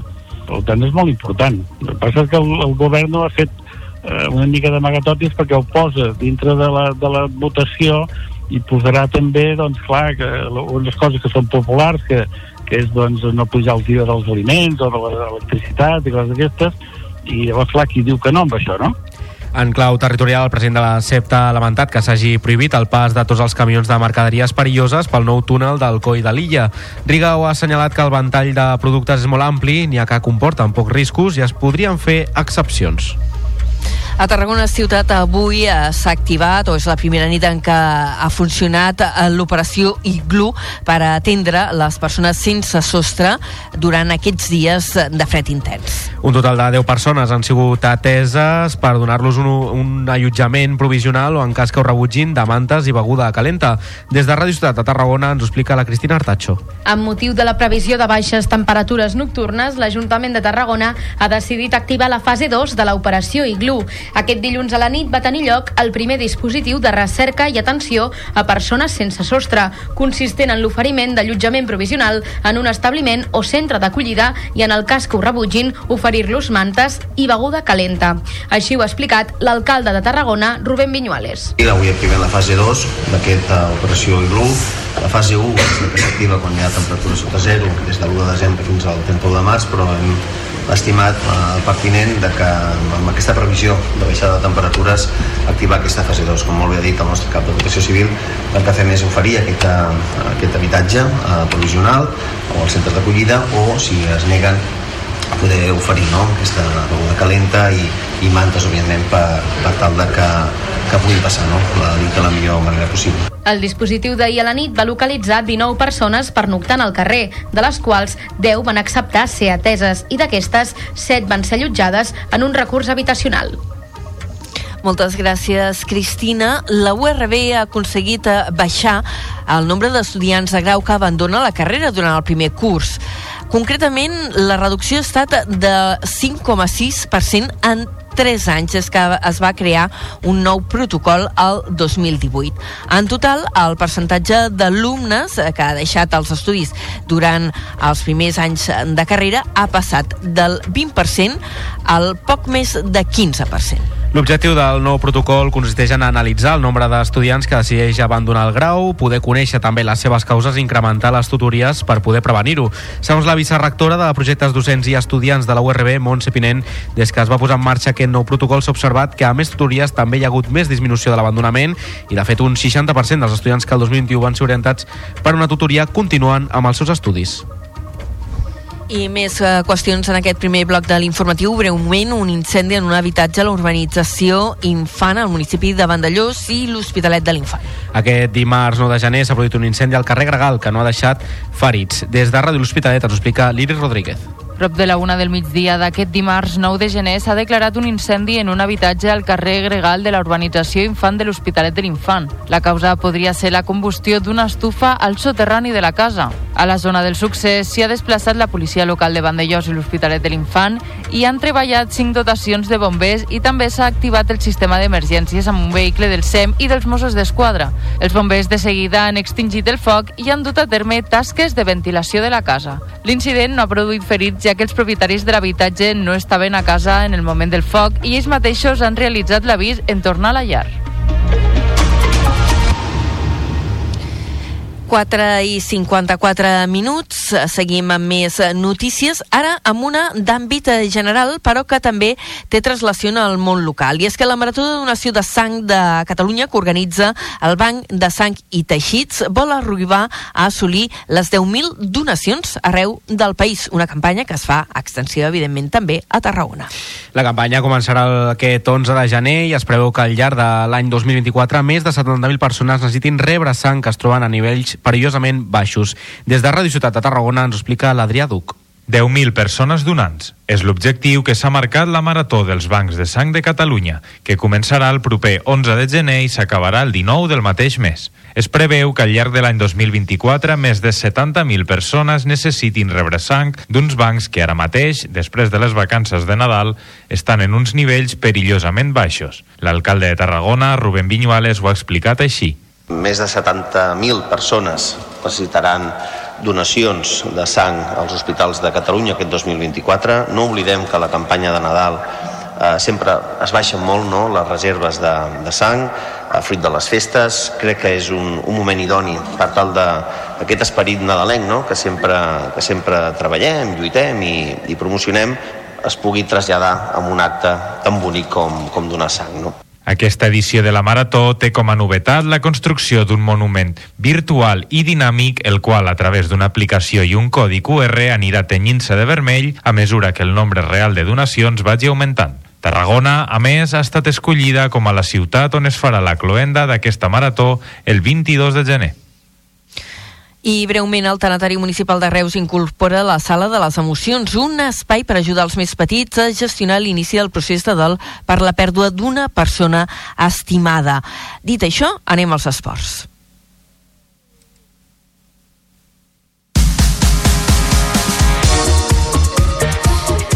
Aquí un salt de guió impressionant, amb sintonia d'esports i parlant del Dakar, perquè el ballenc Albert Martín ha aconseguit el triomf en la quarta etapa del rally. D'aquesta manera continua tercer en la general, però tan sols 5 minuts del segon classificat Jerome Martín i a mitja hora el líder Tobias Epster. I d'altra banda, el Palau d'Esports Catalunya acollirà per primer cop el Campionat de Catalunya de tir a marc per equips indoor. L'esdeveniment també ha batut el seu rècord de participants, aplegant un total de 38 equips d'arreu de Catalunya. I breument, en cultura, i no cal ni fer canvi de sintonia, només us apuntem que el Teatre Fortuny de Reus inicia el cicle Reflexions en Obert que proposa eh, comentar eh, diversos espectacles que es podran veure al llarg d'aquest primer semestre de l'any. Un cicle que, per cert, començarà el dia 11 de gener amb una xerrada a les 6 de la tarda amb Marc Joan Pere en què s'abordarà la qüestió de la hipersexualització entre els infants. Fins aquí la primera hora de carrer Major. Adéu.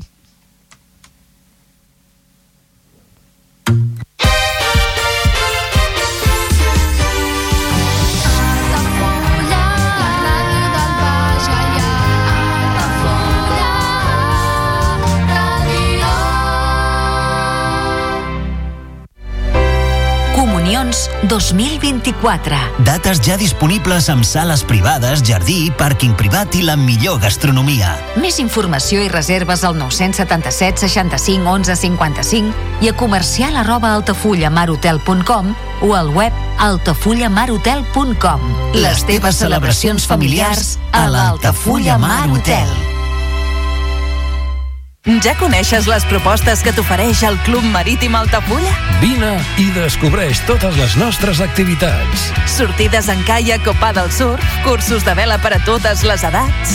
No t'ho perdis. Club Marítim Altafulla. Obert tot l'any i per a tothom.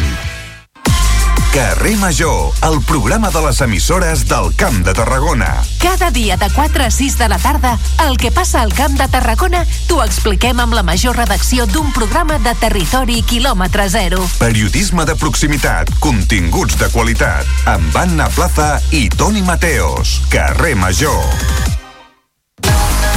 La pilota torna a rodar i el centre d'esports Altafulla juga una temporada més a Altafulla Ràdio. Els groc i negre reben a un candidat al títol i l'ascens al Sant Pere Sant Pau amb la voluntat d'aconseguir la primera victòria del 2024 davant l'afició i seguir la bona ratxa al Joan Pijuan. Aquest dissabte, a partir de les 5 de la tarda, segueix el partit en directe a través del 107.4 de la freqüència modulada, al web 3 altafullaradio.cat, l'aplicació per a dispositius mòbils o la televisió digital terrestre.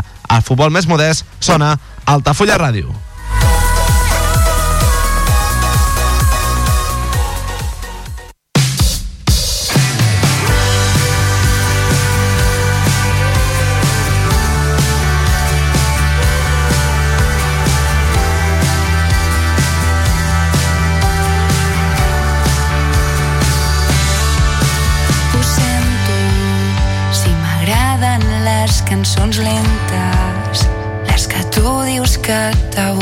t'avorreixen, perquè totes et sonen igual. Ho sento, si m'emborratxo escoltant qui té. Si prefereixo Sabina que festa. Si estic molt fora de la música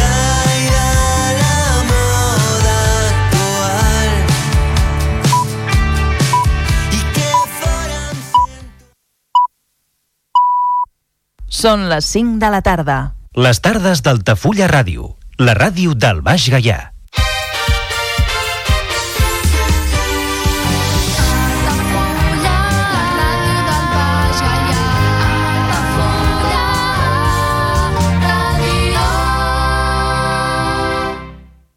Altafulla Ràdio. Serveis informatius.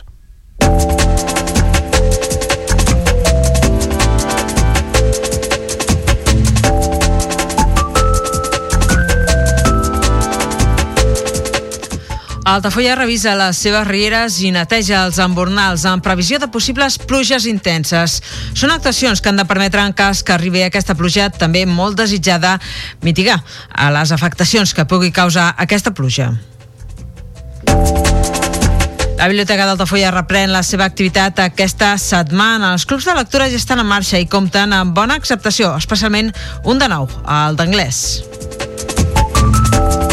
El Consell Comarcal del Tarragonès torna a instal·lar a Altafulla una carpa informativa per fomentar la correcta recollida selectiva. Aquest dimarts s'han lliurat bosses compostables al mercat ambulant, al pàrquing Joan Pijuan. L'Espai Jove de Torredembarra presenta la nova agenda d'activitats de gener a maig. S'han renovat algunes de les activitats setmanals i es mantenen els tallers de salut juvenil i el projecte eh, juvenil, incorporant nova programació. Vespella de Gallà busca voluntaris pel projecte Conversa i Vila. Les sessions de conversa es duen a terme tots els dilluns a dos quarts de sis de la tarda a l'Espai Cultural. El Partit Popular denuncia que l'Estat estudia eliminar els passejos marítims i exigeix inversions que ajudin a frenar la regressió de les platges. Els temporals de tardor van provocar danys importants, recordem, als passejos d'Altafulla i Roda de Barà, i aquesta setmana s'espera un de nou. A la ciutat de Tarragona, l'Ajuntament activa l'operació Iglu. Consisteix en oferiment d'allotjament provisional en un establiment o un centre d'acollida on facilitar mantes i beguda calenta a les persones que viuen al ras. En esports destaquem que Altafulla acollirà la segona prova de la Copa Catalunya de BTT infantil el 18 de febrer. L'escola de ciclisme de la penya ciclista d'Altafulla hi serà present amb alguns dels seus alumnes i amb la col·laboració de l'entitat en l'organització.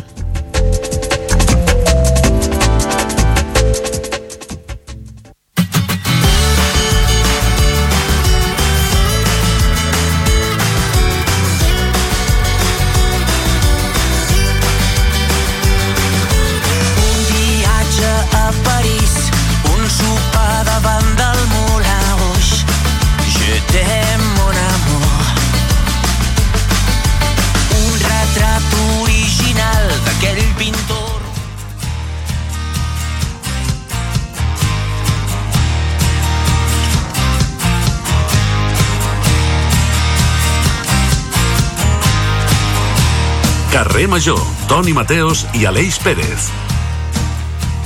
Hola, què tal? Si ahir els parlàvem de la mare que conduïa beguda i borratxa sense permís i amb els nens a dins del cotxe, avui parlarem de mossegades. Quan alguns nens s'enfaden o s'irriten, mosseguen. És com un mecanisme primitiu infantil que es dona en alguns casos i que es corregeix el més aviat possible. En el cas dels adults, mosseguem el menjar, a vegades ens mosseguem la llengua per no dir un renec, mosseguem a la nostra parella en plan sexual, també hi ha el peix que es mossega la cua, però quan un adult mossega a un altre per fer-li mal, ai, ai. Un taxista de Barcelona va recollir un jove de 26 anys que li va demanar que li portés des de la ciutat comtal fins a Cambrils.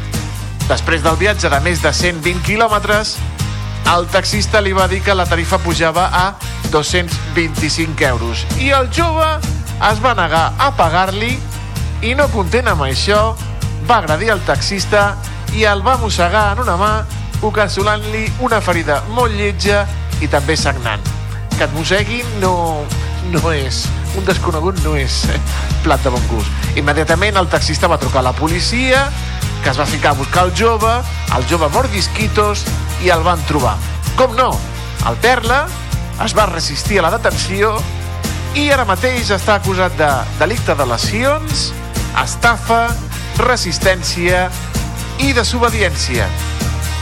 Eh, qui no es resisteix, qui no desobeeix i qui no es mossega la llengua és l'Aleix Pérez, que ha tornat. Com estàs, Aleix? Bon any. Molt bon any, Toni Mateos. Estic molt content de tornar aquí. i Sí, la veritat és que faig tot això i a vegades la, la llengua tampoc intento no mossegar-me la massa. Escolta, què dius això de la, prim, de la introducció del dia d'ahir? Què vas fer quan no estava jo? Ui, ui, ui, ui, ui, ui. Vaig perdre, sempre perdo el mateix. El dia que faltes al col·le, aquell dia ve Messi a classe. Ah, exacte.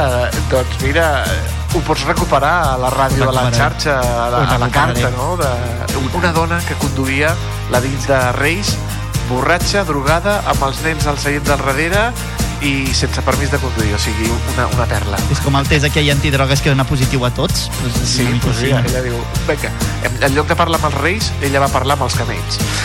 La mossegada de l'actualitat a la informació, cada tarda, amics i amigues, a Carrer Major, amb Ràdio Ciutat de Tarragona, Altafulla Ràdio, Ona la Torre, Ràdio Montblanc, Ràdio La Selva del Camp, la nova Ràdio de Reus, Ràdio Hospitalet de l'Infant i Baix Camp Ràdio. Amb el nostre tècnic, en Diago Moreno, amb Mordisquitos, que mossega cables i cables, i un servidor, Toni Mateos, que de vegades mossega les escumes dels micròfons quan m'enfado molt. Benvinguts al carrer Major. Nyam! Carrer Major, al Camp de Tarragona, des de ben a prop.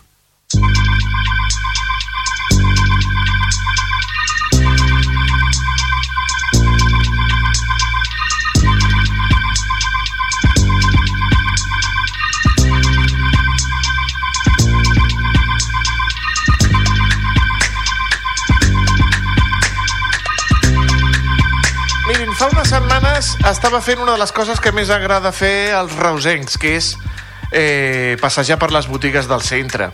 Estava dins d'una botiga de sabatilles, que és una de les meves passions, quan de sobte va entrar un noi amb un maletí, llançant bitllets i cridant Sabatilles gratis per tothom! Sabatilles gratis per tothom! Evidentment, era una broma.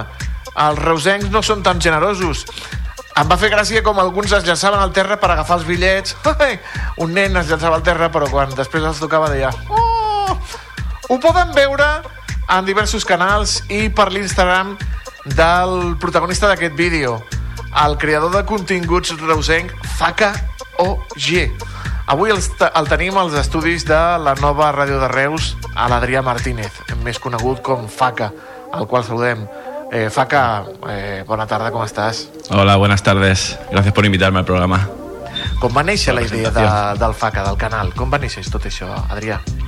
Pues yo llevo muchos, muchos años ya creando contenido en internet, eh, haciendo, siempre proba- probando diferentes formatos, vídeos de bromas, siempre desde un poco de- desde el humor, hacía como sketches antes, pero hace cosa de unos cuatro o cinco meses eh, también empecé a hacer, digo, voy a hacer cámaras ocultas, digo, por Reus también, porque hacer las bromas por aquí, por Reus, tiene que estar guay.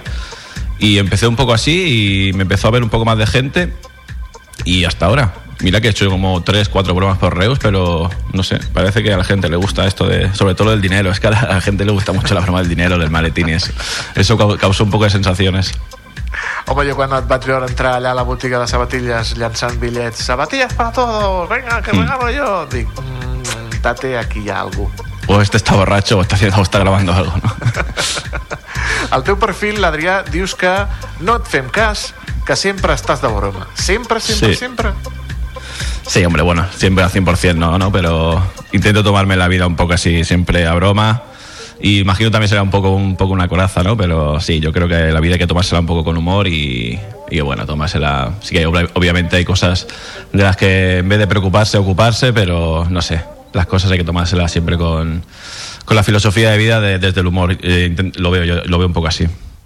Bona tarda, Faca. Jo també et, et volia preguntar una mica perquè al final crec que també és necessari, no? A vegades que aquesta mena de contingut potser es veu molt a Barcelona, a grans ciutats, però també és important demostrar que aquí també, a casa nostra, es poden fer també, tenim dret a també tenir aquesta mena d'humor, no? I que la gent pugui tenir al seu territori doncs, aquesta mena d'entreteniment i de contingut. Totalmente. O sea, yo veo que también, y, mucha- y muchos de los vídeos que, por ejemplo, se han hecho un poco también, que han cogido visualizaciones, ha sido también porque mucha gente en los comentarios ponía, ostras, Reus, Reus, la Mercadal, tal. O sea, que también muchos comentarios, aparte que si el vídeo te puede gustar o no, pero mucha gente hacía hincapié en plan, es muy raro de que se haga un vídeo así o que se haga un poco viral un vídeo siendo de Reus, como diciendo, hostia, qué raro es. Pero sí, yo creo que también se puede traer vídeos y, y el humor así en cualquier, en cualquier sitio y en Reus so- sobre todo, claro que sí. No, no, veure, per exemple, en la Mercadal, la plaça del Mercadal, i tu amb un megàfon dient-li que t'has dejado el sonotone Ja. fa, fa gràcia, fa gràcia tot això però mm, parlem de- de- d'això perquè eh, crear continguts que siguin interessants i alhora divertit no és tan fàcil com sembla, no, Faca? No. No, yo con eso tengo, por ejemplo, sentimientos encontrados también con el tema de, hacer contenido de cámara oculta, porque yo tengo, tengo como red flags, ¿no? Como líneas muy finas que no, que no sobrepaso. Si yo veo que puedo ofender a alguien o que puedo, no sé, una broma que puede, que puede ser vista como de, de mal gusto, ahí no lo paso. Siempre intento interactuar con gente que ya esté, gente amiga, que solo la reacción de la gente sea, o sea, que solo se vea en el vídeo de reacción y no intentar molestar a nadie o después que cuando grabas a alguien pues decirle oye que esto es una broma tal pero claro nunca sabes cómo puede reaccionar la gente y luego tener ideas para bromas también tengo un problema de si hago por ejemplo el maletín y lo veo como que me gustó mucho ahora la siguiente tiene que ser mejor y tampoco tengo que, que, me- que meterme eso en la cabeza así no es como una presión externa Eh, et poses pressió tu mateix, inclús. Yo creo que sí, un poco, en cierto sentido sí. O sea, cada vez que hago un vídeo y también depende mucho de cómo lo, lo reaccione la gente. Pero yo puedo hacer un vídeo y si veo que gusta y la idea es muy buena, luego la siguiente quizá tiene que ser mejor y tampoco tiene que ser esa mentalidad, ¿no? Tiene que ser, pues bueno, ir haciendo cositas, lo que me guste, tal. Ir probando también muchas cosas, diferentes formatos. Com venen les idees? Eh, o sigui, qui t'ajuda a gravar? Perquè les idees eh, poden venir, però clar, si fas Mm. una càmera oculta necessites a un que gravi, o dos, o tres fins Sí, i sí, tot. sí. Eh, qui col·labora? Qui munta? Perquè no és tan fàcil, perquè després s'ha de muntar tot, s'ha d'editar, s'ha de fer picadet, picadet perquè no sigui massa passat, o sigui... Qui t'ajuda Sí. tot això, Paco? Todo esto ahora mismo es un poco prueba y error, porque también, como dices, estoy, estoy empezando también. Yo grababa hace tiempo mucho, algunas cosillas, pero esto en, cuanto a cámara oculta y en cuanto a editar estas cosas, pues estoy empezando. Y eh, lo de grabar es un poco mm, a quien me pueda ayudar ahora mismo. Es un poco complicado porque, claro, si le digo a un amigo mío, por ejemplo, que me grabe y que voy a estar chillando con un megáfono en la plaza Mercadal, me va a decir, pues quizá tengo que pasear mi perro ese día, ¿sabes? Entonces, el que, el que me pueda ayudar eh, y después a la hora de editar me lo edito yo. Yo hace, hace tiempo ya como hacía vídeos me empecé a editar y poco a poco fui aprendiendo y me lo voy editando. Lo que sí que dices tú de... Estoy aprendiendo un poco de cómo subir el formato, si más cortos, si más largos, si, si en TikTok así, si en Instagram así. Es que es, es una cosa también de, de- de ir probando y ver cómo va, porque un vídeo te puede funcionar, otro no. Es un poco, un poco una lotería, ¿no? Clar, també hi ha el repte que suposa també entenc que potser tu tenies un domini previ però això, aprendre a fer anar programes de vídeo saber una mica també efectes especials buscar també una mica el, a, a, a enfatitzar no? amb el públic, amb les persones que potser et veuen un vídeo de 10 segons no? I, que, i que es quedin. Quin és potser el secret o el que has trobat tu que és més efectiu? Mira, yo, yo lo vi un poco con el vídeo de, del megáfono, que fue el que más, el que más visitas tuvo. Eh, es que da a entender que todos los vídeos son así al principio, porque ahora como es tan rápido todo y la gente es como tiene que pasar el vídeo, los tres primeros segundos lo más importante de todo. Porque en ese vídeo empiezo chillando ya, como a mi amigo está sentado, le digo, Fran, y empiezo chillando, y ya, eso yo, ya, ya me- da a entender que la gente ya, "Uep, ¿qué pasa? El vídeo y se queda. Si tú ya empiezas un vídeo quizá un poco más lento, que- porque a mí me gusta hacer todo tipo de vídeos, a lo mejor que tenga una historieta, tal, lo que se vaya viendo, pero si tú ya pones algo medianamente aburrido al principio, y nadie se va a quedar. Y ya luego se repercute y se nota en las visitas. Entonces yo creo que el secreto es un poco eso, que la idea sea buena, que sea original también, porque si es una idea que ya obviamente has copiado o ya está muy vista, mm, da igual que la hagas porque, y que tenga un buen gancho porque no va a funcionar mucho. Simplemente que tenga un buen gancho, una idea ori- original y que esté, que esté divertido, entretenga a la gente, que aporte valor en ese aspecto, ¿no? Perquè, clar, ara mm, la resposta que quan els hi preguntes als nens què volen ser de grans, ja no et diuen que volen ser ni... Bueno, periodistes ja oblida tant. Ja és... Bueno, no, no són- sé si ha passat massa això. si són llestos no agafaran el periodisme però no et diuen metge, bomber eh, policia, bueno, policia tampoc però bueno, però ja et No, diuen tampoc, no.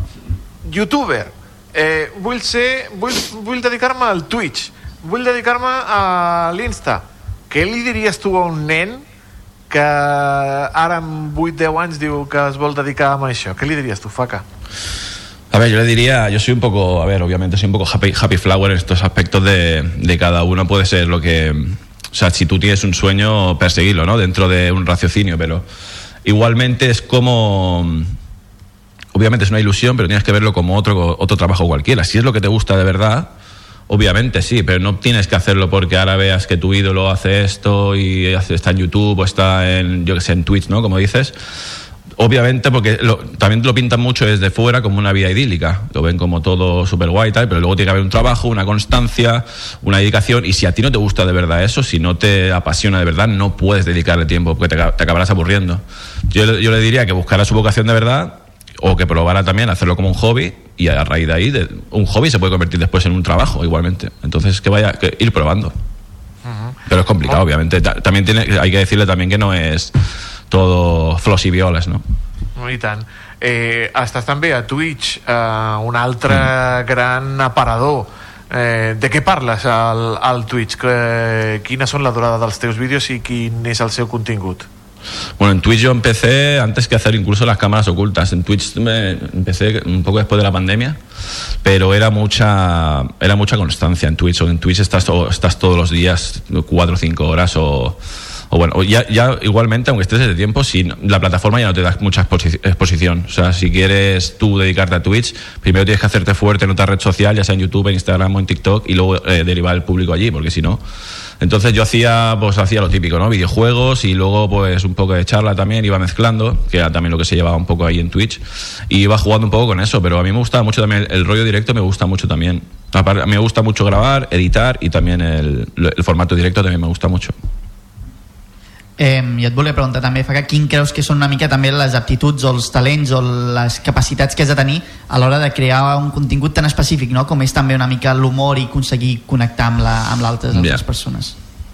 Es complicado, ¿eh? porque ahora, ahora mismo en, en el tema internet, con el tema de humor, es que puedes ver que cualquier tipo de formato de humor o de, de forma de expresar de cualquier cosa, dices, ostras, puede triunfar tanto un vídeo, o sea, muy, deri- muy derivados, ¿no? Como sea un vídeo de hablando de humor de cosméticos, de yo que sé, de lo que sea, ¿no?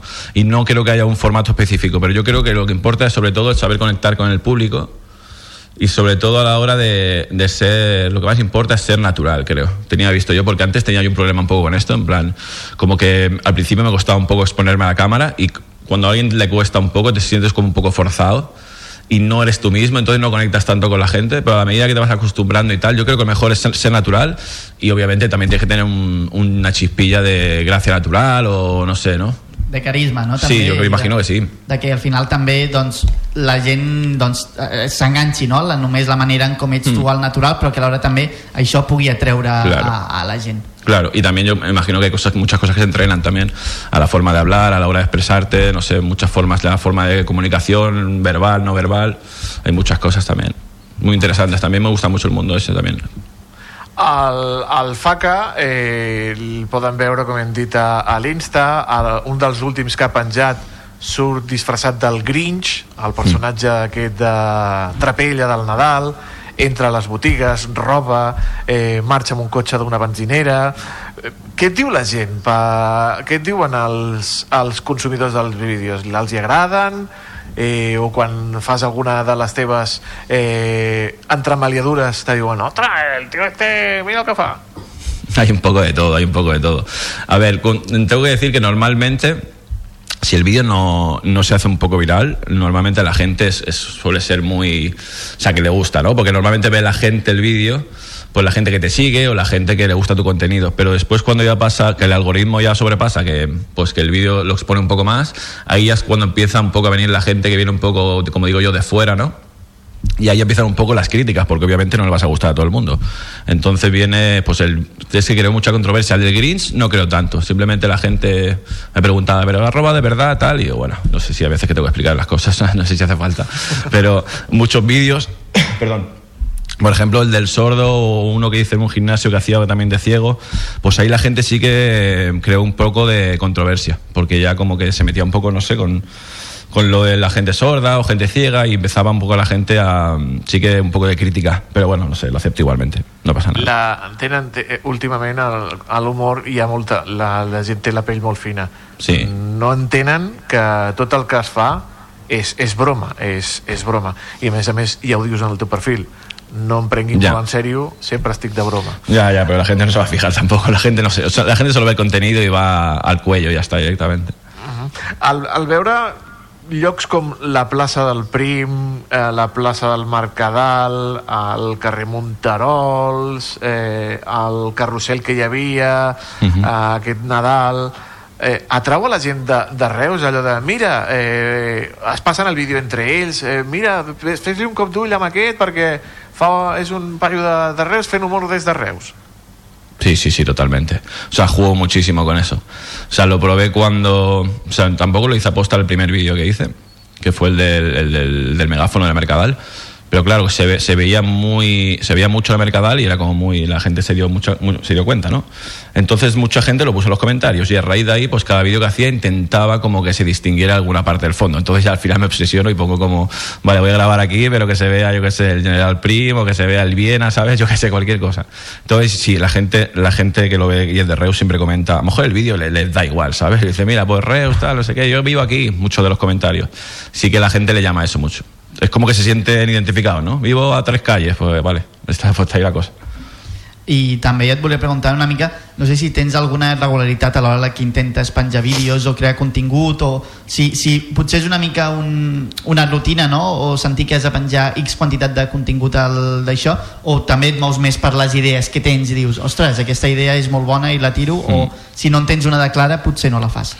Me muevo, me muevo mucho por las por las ideas, pero también me como que me, me, me, me- rayo un poco la cabeza de digo, ostras, que a lo mejor porque al grabar cámaras ocultas no es tan sencillo como cojo mi móvil en casa y me grabo algo y que también hago a veces ese tipo de formato, pero como me gusta mucho las cámaras ocultas y tal, es como lo- los vídeos importantes son los, de las cámaras ocultas y lo demás como son vídeos secundarios.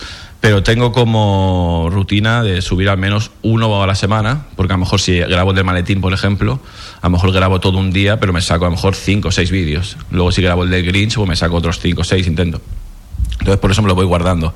Pero sí que no tengo un orden establecido, lo cual creo que debería ser, obviamente tiene que ser bueno, tener un orden y una constancia.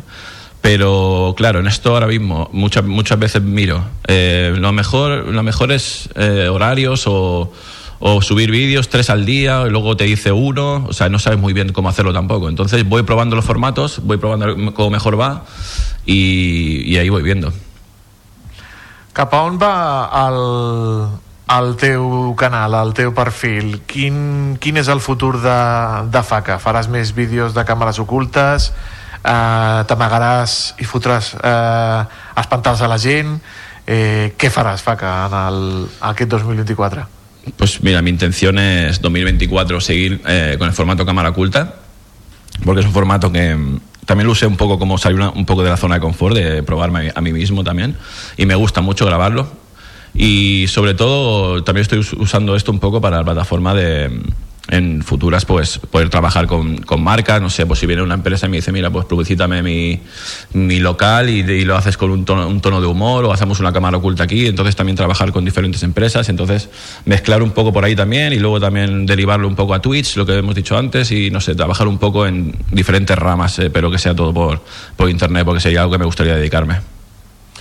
Estarem ben atents eh, i et vigilarem de prop, en plan, en Muchas plan gracias. amics, amics. Uh, ja ho saben, a Instagram, faca barra baixa OG. OG de, de, de què ve això de faca OG? Viene de original, porque no podía poner faca solo, no me dejaba Instagram. Pues mira. doncs faca guió baix OG o el que és el mateix el nostre convidat d'avui Adrià Martínez gràcies per deixar-te enredar al carrer Major penja el vídeo si vols al, al, teu, al teu Insta i també ens fan una mica claro. de publi a naltros sí, sí. Claro, claro. una abraçada Adri, moltíssimes A gràcies vosotros, gracias. El valor del camp de Tarragona. Carrer Major. Oh,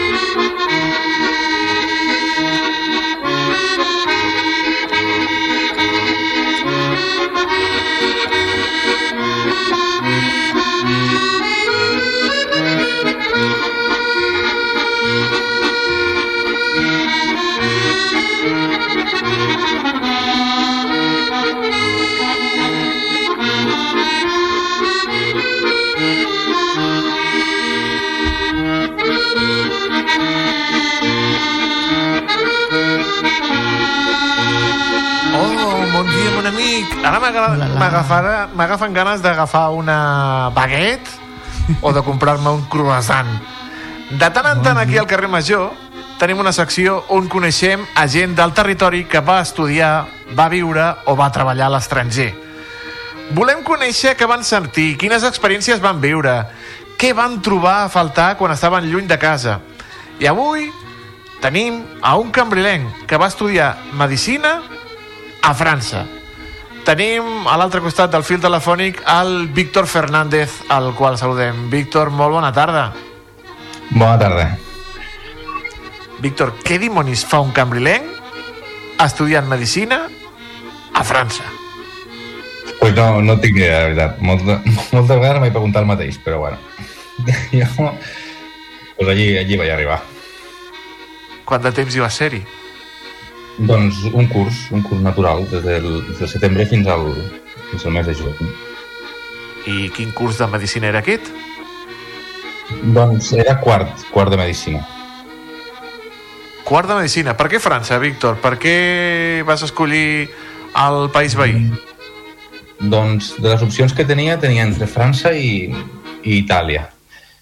I, i mirant, mirant idiomes i mirant també els hospitals que, o les, les opcions que tenia, França era com més atractiu, perquè també sí que hi ha també com una mica de, de llegenda aquesta urbana de que Itàlia, l'Erasmus és bastant, a nivell acadèmic el perds una mica, i en canvi França em van dir, hòstia, a França hi ha, hi ha bon nivell i, i si vols aprendre allí aprendràs bastant. I doncs vinga, cap allí.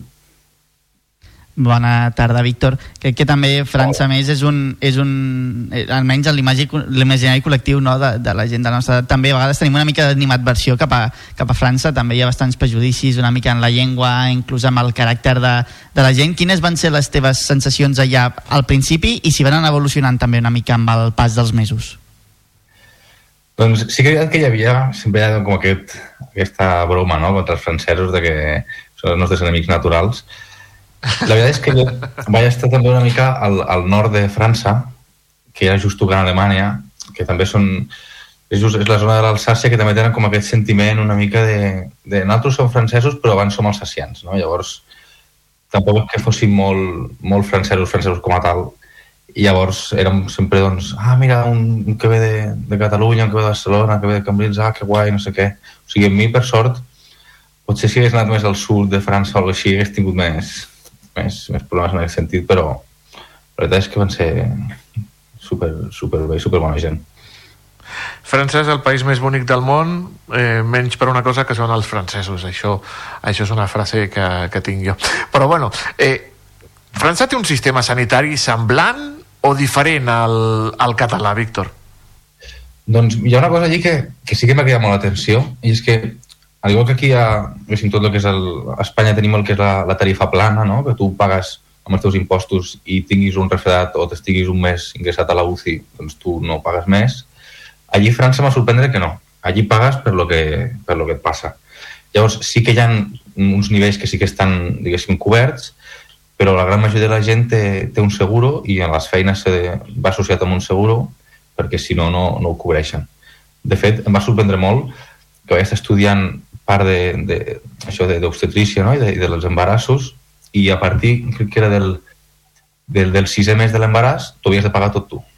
Llavors, si tu volies tenir un embaràs, diguéssim, fer els controls i, i fer les ecografies normals i les vacunes i, i després tenir un part assistit a l'hospital, has de tenir un bon seguro o pagar-te tu perquè si no, no, no t'ho cobria. I dius, ostres, de- que dius, això que et pensa, no? que a vegades, no, si Europa està tota la sanitat igual, dius, pues, potser a Espanya estem, estem millor, o Catalunya estem millor del que, del que estem a, a, a, als nostres veïns de, de França.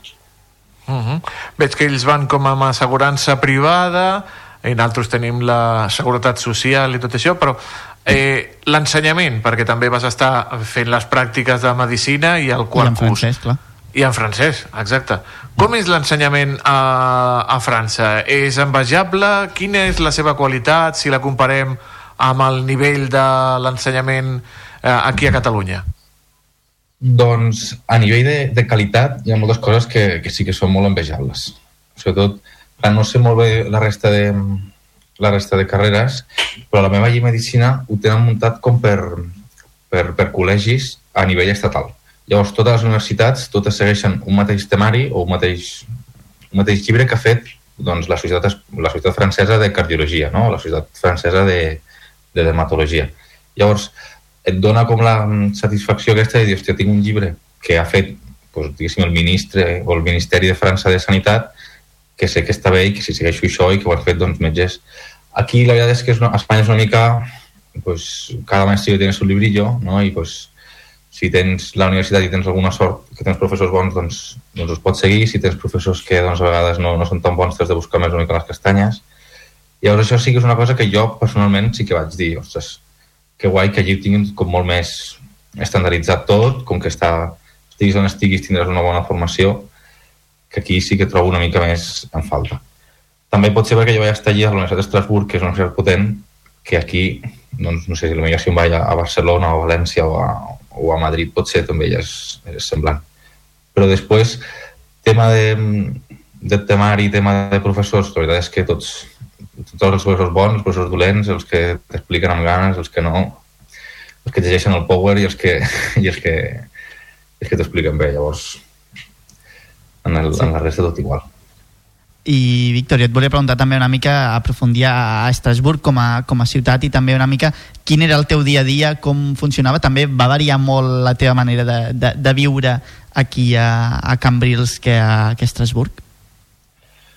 Home, doncs, lo, tot, o sigui, el més important, el que em va xocar més és el, el transport. O sigui, allí suposo que també és perquè és capital europea verda i perquè, o sigui, tot i que ser una ciutat molt important és relativament petita, eh, el transport públic, o sigui, el tramvia és increïble. O sigui, teníem, em recollia a la porta de casa el tramvia i arribava a, a on volgués, superràpid, tothom utilitzava tramvia, tothom utilitzava bicicleta, cotxes no en veies quasi res, i és una cosa que dius, si vulguis o no, l'estrès de no, de, de no ser atropellat per pel, pel carrer o de, de dir, mira, cada 5 minuts tinc un tren, un tramvia aquí que em portarà a tots els puestos, això sí que va ser un, una cosa que aquí a Cambrils, per exemple, una de les coses que trobo a faltar més és el- aquest transport públic, que si, que si passes el bus ja t'has d'esperar tot el dia fins la nit a buscar-ne un altre. No, home, no, si aquí funciona tot de meravella. El trencamp ens salvarà Hem tot. tingut aquí, sí, hem tingut la tramvia. Noemí Llaurador fa una El estona. i tramvia sí, ens sí. salvarà tots, no pateixis. El, això sí que va ser un, un, un fort de llei, ostres, que guai. I de Cambrils què trobaves a faltar? Les galeres, l'arròs amb galeres, Paella, la cuina a la mama, què era el que trobaves a faltar de casa? l'olor, l'olor a mar també, el, el, el clima, la veritat. O sigui, també va haver-hi un, uns mesos des de novembre fins al febrer, que és que el, o sigui, es, es feia de dia a les 9 del matí i era un dia així gris com de boira i a les 4 de la tarda ja era de nit. I potser vam, el, el de veure el sol, això que dius, ah, és que no surt el sol, que vam veure potser un cop cada 15 dies tenies un dia això de veure el cel blau, saps? I aquí la veritat que és una cosa que, que es nota que a Cambrils amb el vent que fa també el dia que no veus el cel blau és, és estrany o sigui sí que, sí que ho vaig trobar a falta Tornaries eh, a treballar allà a, a, a França o estàs eh, ja et dediques a, a la medicina aquí a, a Catalunya? Doncs no, no ho he pensat. Sí que és veritat que si tingués l'oportunitat de tornar a marxar fora, potser provaria un altre lloc abans que, abans que tornar a França per, més que és per, per provar. Si me dius ja per establir-me, doncs la veritat és que si, si he d'elegir prefereixo aquí abans que, abans que França, sobretot pel, també allí la, la, la política de treball, no? Aquestes, com la gent, clar, que a dia de fora sempre és de nit o, o a l'hivern no hi ha res a fer, fan jornades laborals molt llargues, que després també com que la gent té una mica la filosofia de treballar i, i poc viure, que aquí és tot el contrari. Llavors preferiria viure aquí. Però si és, i si és més provar un altre lloc, doncs endavant.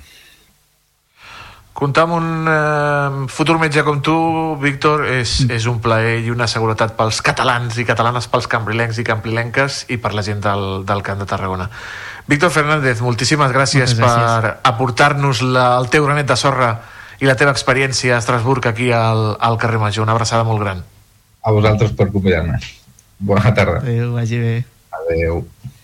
Carrer Major, totes les veus del territori.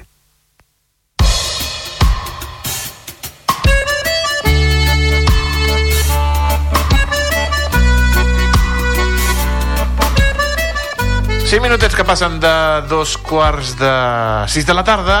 Trobàvem a faltar els ODS, trobàvem a faltar l'Aleix aquests dies de Nadal. Aleix, què ens portes avui, estimat? Doncs mira, eh, us torno a portar per primera vegada ja aquest any els ODS i a mi m'agrada, farem un moment aquest esment, no? que al final els ODS tenen una fita, un final de trajecte al 2030 i ja estem a 2024, o sigui que això va començar el 2015, acabar el 2030, estem ja a tan sols 6 anys de veure si hem fet els deures o no, saps? Tot això No, és com... no, de moment no. hem, fet, hem anat fent com exàmens parcials, de moment jo crec que, que encara hem de progressar adequadament, però per això estem aquí, no? Per això intentem aquí els ODS doncs, apropar totes aquestes iniciatives, tots aquests projectes que tenim al territori i també intenten doncs, estar dintre d'aquests objectius de desenvolupament sostenible. Anem a l'ODS número 12 de producció responsable i el número 13 d'acció pel clima. Anem a parlar d'un projecte que es durà a terme aquest divendres, el de les dones cistelleres. I ho farem amb la seva coordinadora, la Georgina Florejacs. Molt bona tarda. Ep, que qui estàs mutejada o no t'hem acabat de sentir? Bona tarda, Georgina.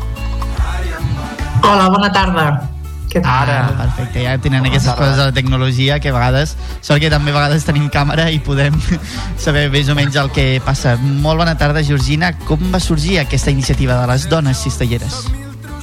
Doncs va sortir ja fa un parell d'anys arrel de nosaltres aquí al Baix Gaià tenim un projecte que es diu Dones Pageses amb el qual hem, vam activar això, uns horts d'autoconsum i de comunitaris, doncs això per eh, que dones de diferents edats, orígens i així treballéssim la terra d'una manera això, respectuosa amb el medi i amb les persones.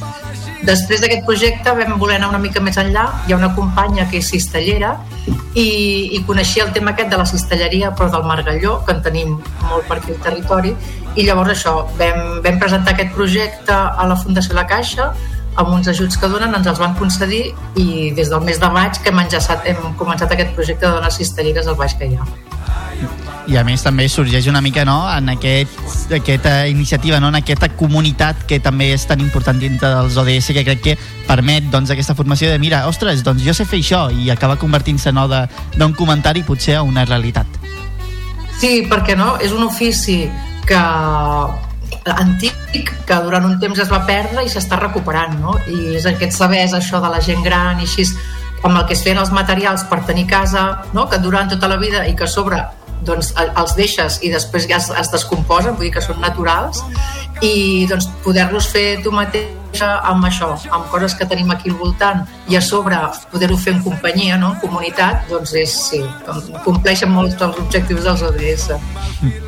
Exacte, eh, tots aquests, tots aquests doncs, comentaris de quilòmetre zero també, al final ja no és tant també el material de quilòmetre zero i la transmissió oral i la comunitat, sinó que també representa uns valors, no? Una, un, un saber fer, una manera de, de treballar el, els materials del territori que, que ens venen de molt temps enrere. Exacte, doncs és, una tècnica que es fa des de sempre s'ha fet d'aquesta manera, no? i és una bona tècnica. I a part, per exemple, vam anar ara fa un temps a fer un taller en una escola no? i comentàvem quan creieu que triguem per fer un cabàs? I doncs els nens van començar a dir hores, i dius, bueno, però són moltes més, no? I doncs també valores doncs, els objectes que tens, perquè ara pots comprar moltes vegades coses per molt pocs diners i doncs, per tant fàcilment les pots mm, deixar de banda, no?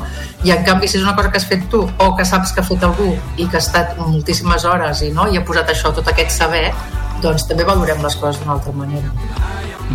perquè els oients que ens estiguin escoltant i potser ben bé no ho sapien quin és el procés des de zero, des de això d'anar al curset fins a tenir un cistell a la mà? Doncs, uh, mira, nosaltres el que vam anar és allà al Museu de la Pauma, a Mas de Barberans, que allà doncs, en tenen molt coneixement d'això de la Pauma perquè van recuperar això, no? de, de, de gent que ho treballava des de feia molt de temps i allà ens van ensenyar doncs, com el margalló, no? la, la, la palma, la palmera aquesta que tenim europea autòctona, que és una espècie protegida, doncs com s'han d'acollir demanant uns permisos, eh? que nosaltres com a entitat, com a Associació Mediambiental de Sínia ja ho hem fet, doncs collir la part de dins d'aquest margalló, la palma que encara està tancada, a l'estiu, que és el moment que creix. Llavors es deixa secar al sol durant dos mesos i ja tens doncs, el material per començar a fer doncs, els, teus, els teus cistells. Llavors, això, um, unes dones de llames de barberans d'Arpauma ens han fet la formació per aprendre a fer diferents tipus de, des d'una escombra, això és a un cabàs, a un cistell per anar a comprar, um, bueno, diferents coses. Per tant, és molt versàtil, no? Aquest, aquest material permet, doncs, ja no només fer cistells, sinó també fer això, escombres en quins altres casos pot tenir utilitat. Uh, també pots fer això, ventalls pel foc, pots fer... Bueno, fins i tot ara, clar, la tècnica s'ha modernitzat molt i des de, per exemple, abans de Nadal vam fer decoracions de Nadal, però també es poden fer joies o no? coses per, per guarnir, vull dir que ha, sí, molts objectes per casa, no? també per posar els plats, argolles pels tovallons, això, no? cistells de diferents mides, catifes pel terra. I també crec que és important no? en aquesta iniciativa, ja ho has anat comentant, la- l'ajut aquest de, de la Caixa, també la Sínia, que fa tota la feina. Aquesta també és un, és, és important, no?, tota aquesta feina, tota aquesta unió i treball en, de les diferents entitats per poder tirar endavant iniciatives com aquestes, que de fet, si no m'equivoco, heu exaurit places, no? Sí, sí, de seguida va haver molta gent interessada i, i sí, hem exaurit places. El que ara estem fent com a tallers en diferents pobles, per exemple, això, no? divendres ho anem a fer a Salomó per també donar-ho a conèixer i llavors bueno, ara estem ja com tancant una etapa i aviat n'obrirem una altra de veure que, quin és el futur no?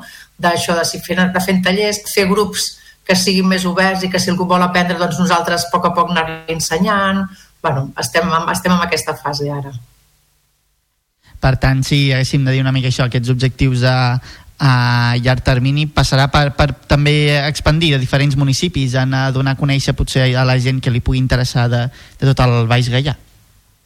Sí, ara, ara estem això fent tallers amb diferents edats i grups i així per donar-ho a conèixer i després potser el que farem és això, anar-nos trobant cada cert temps i que pugui venir doncs, qui li pugui interessar per aprendre, per aprendre aquesta tècnica. Fins al moment, quan, quanta gent éreu en, en, en aquest curs? Clar, de formació continuada, que era cada setmana, no? De Sí. fer-ho, hem estat 12, 12 dones. Clar, i només si fas la multiplicació no, de 12 persones que saben fer els cistells per 12 persones més cadascuna que, pot, que poden ensenyar, per exemple, el nombre de gent que, que recupera no, una tradició tan arrelada al territori es, es, es multiplica de manera gairebé exponencial. Clar, i és, això, és un material que tens proper, que pots anar a collir, que el tens durant tot l'any i que després fàcil de guardar per dir alguna cosa i que ens permet, això també ho vam mirar, no? que ens permet continuar amb la nostra vida que tenim un munt de coses a vegades, bueno, això, no? els fills o bueno, molt, la feina, tot que, i pots anar-ho fent a estones que vagis tenint. No? Vull dir que no, no, no has de fer de manera continuada durant moltes hores, sinó que pots anar invertint mm, estones al llarg del dia o de la setmana o de quan sigui. I que més té una utilitat pel teu dia a dia, no? per l'ús que, que en pots fer després de, de tots aquests cistells. No sé com entenc que també us sentiu molt orgullosos i orgulloses no? de, de poder donar-li utilitat també en aquests cistells. Clar, aquesta sempre, no? sempre és la mirada aquesta, eh? de faig això per, no? per utilitzar-lo després per això, o per regalar-lo, o perquè algú m'ha demanat, no? L'escola, una escola que vam anar vam dir, home, doncs ens podríeu fer alguns cabassos pels nanos? Bueno, vull dir que sempre sí, hi ha utilitat de seguida d'aquests estris.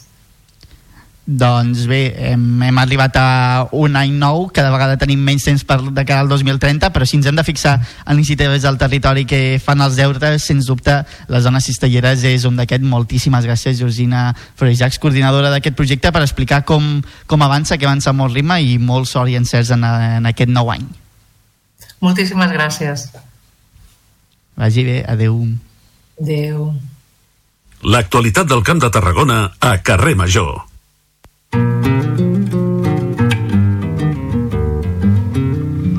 I com cada dia arriba la banda sonora i arriba de la mà del David Fernández des de la nova ràdio de Reus eh, avui amb una reusenca David, bona tarda Hola Toni, hola Aleix. Ahir començàvem l'any amb una novetat que sortia ahir mateix i avui continuem amb una altra peça del Camp de Tarragona que també ha vist a la llum aquest dimarts dia 9. Fem parada a Reus també per escoltar la Lau Noa, o el que és el mateix, la Laura Noa, la Laura Cailà, aquesta reusenca que quan tenia 19 anys se'n va anar cap a Nova York a buscar-se la vida i allà va desenvolupar la seva trajectòria com a cantant. Una cantautora força influenciada per la música mediterrània i que ja n'hem parlat algunes vegades aquí al programa, sobretot aquest darrer any, perquè justament aquest divendres publicarà el seu segon disc, que es diu A2, en la qual doncs, cada cançó col·labora fent duets amb diversos músics als quals doncs, li han influenciat per alguna cosa o altra. Però és que la Laura no s'hi ha posat pas per poc. Vull dir, entre aquestes col·laboracions hi ha gent com en Jacob Collier, com en Jorge Drexler, com la Sílvia Pérez Cruz o com el Salvador Sobral en aquesta cançó que avui escoltem i que, com diem, s'estrena avui i ja podeu trobar a totes les plataformes. Una cantautora que aquest any va estar presentant la seva música arreu d'Europa i que ja ens explica que el proper, mm, la propera primavera-estiu la tindrem fent una gira per aquí, per Catalunya i per l'estat espanyol i a veure si es deix veure a Reus, a la seva ciutat. Avui, doncs, la música de la Laura Noa i, per cert, crec que d'aquí uns dies la tindrem aquí al programa al carrer Major per parlar de la seva experiència i de totes aquestes col·laboracions que hi hauran en el seu segon disc. Mentre esperem aquesta entrevista, podeu escoltar la seva música, busqueu la Unoa i deixeu-vos emportar per la seva proposta. Què me dius? Que tindrem a la Lau Noa? Ep. Exclusiva! Exclusiva, eh? Hauríem de posar un, un comptador d'aquests, un números vermells. Molt aviat, molt aviat la, la Lau Noa. Estiguin atents a la seva ràdio local. I estiguin atents perquè anem amb la furgoneta, com cada dia. Com fa? És que jo Molt bé, jo me l'imagino, però rapidíssima, o sigui, a Molt bé, 200 km per hora. que no Estàs fer, millorant molt, molt, Gràcies, molt, molt gràcies, en la teva imitació de furgoneta. La veritable furgoneta és la de la Cristina Artacho, que avui se n'ha anat a Valls. I la saludem. Cristina Artacho, bona, bona tarda. Des de la Fulgo, avui sóc a Valls, de fet a una de les places més emblemàtiques de Valls, la plaça del Blat, i m'acompanya la Tània Guasc, que és la secretària de la Societat Sant Antoni. Per què? Doncs perquè avui parlem també d'una de les- d'una de les festes més importants de Valls, com són els Tres Toms, que són eh, aquest cap de setmana. Tània, molt bona tarda. No sé si ens pots explicar ben bé què són els Tres Toms. Bona tarda, moltes gràcies per l'entrevista. Ui, explicar què són els Tres Toms. A veure, els Tres Toms és una festa històrica que es data molts eh, centenars de segles d'anys enrere La primera constància escrita a Valls és del 1879. Antigament es celebrava el dia 17 de gener. Eh, era festiu a tota Catalunya el 17 de gener perquè els traginers, els ramblers i tots els ofi- oficis relacionats amb els animals de peu rodó, cavalls, mules, matxos, etc., aquell dia feien festa.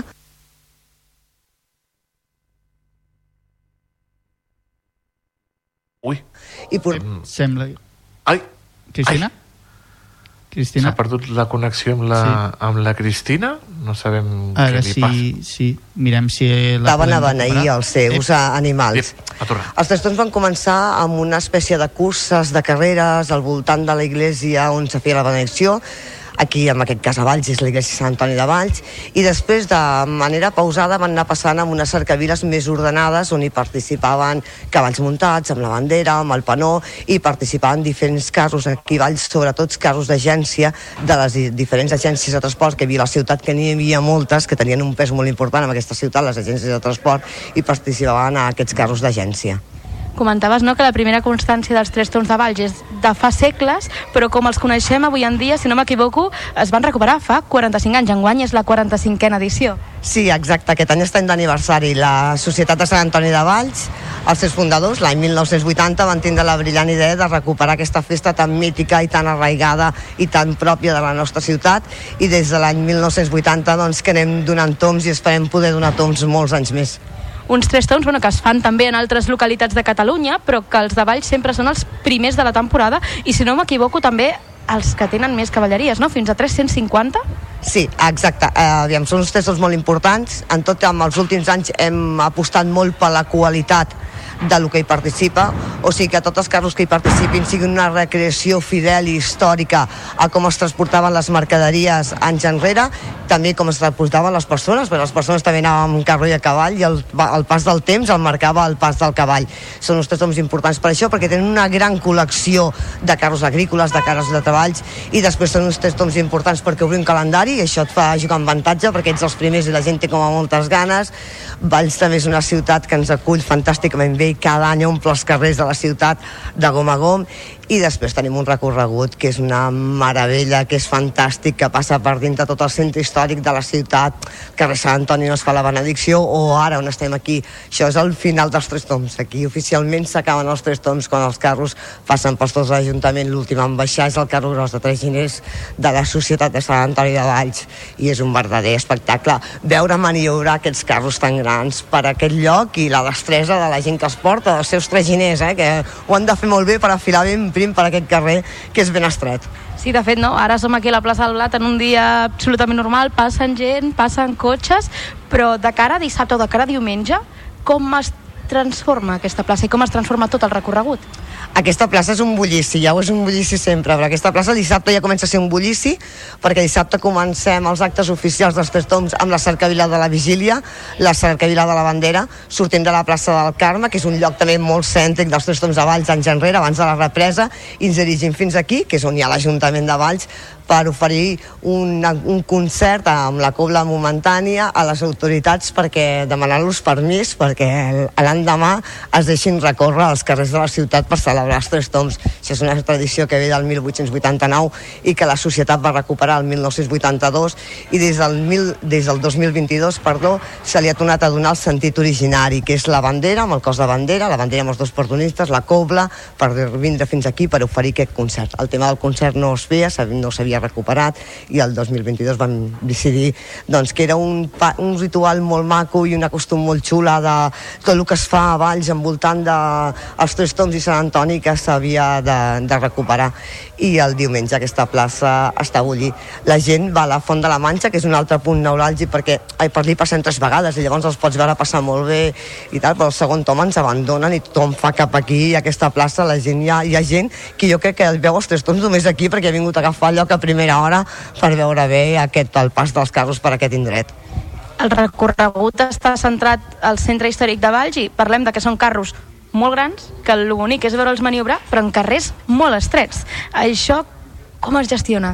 Sí, tenim un recorregut complicat, eh? la veritat és que sí, tenim un recorregut complicat, però bueno, també tenim un recorregut que fa molts anys que, fea, que fem, que fa 45 anys que fem el mateix recorregut, que hem intentat modificar-lo el mínim possible i és un recorregut molt semblant al que es havia fet anys enrere, no ben bé igual perquè abans de la represa aquests toms de l'Ajuntament es feien de pujada i avui això és, és inviable, però sí que és un recorregut complicat, no passa, bueno, gestionar-ho de la manera que podem moltes vegades, amb el gran servei que tenim des de l'Ajuntament, els mitjans que es posen, Protecció Civil, Creu Roja, tots els voluntaris de la Societat de Sant Antoni de Valls, que tenim més de 20 voluntaris, que aquell dia vetllen perquè tot funcioni correctament i tot sigui un engranatge que va funcionant, no? perquè al final l'organització d'uns tres toms Uh, és molt complexa, uh, té moltes hores de feina, té moltes hores de dedicació, és una organització que comença tres mesos abans perquè hi ha moltes coses uh, a lligar, hi ha moltes coses a encaixar.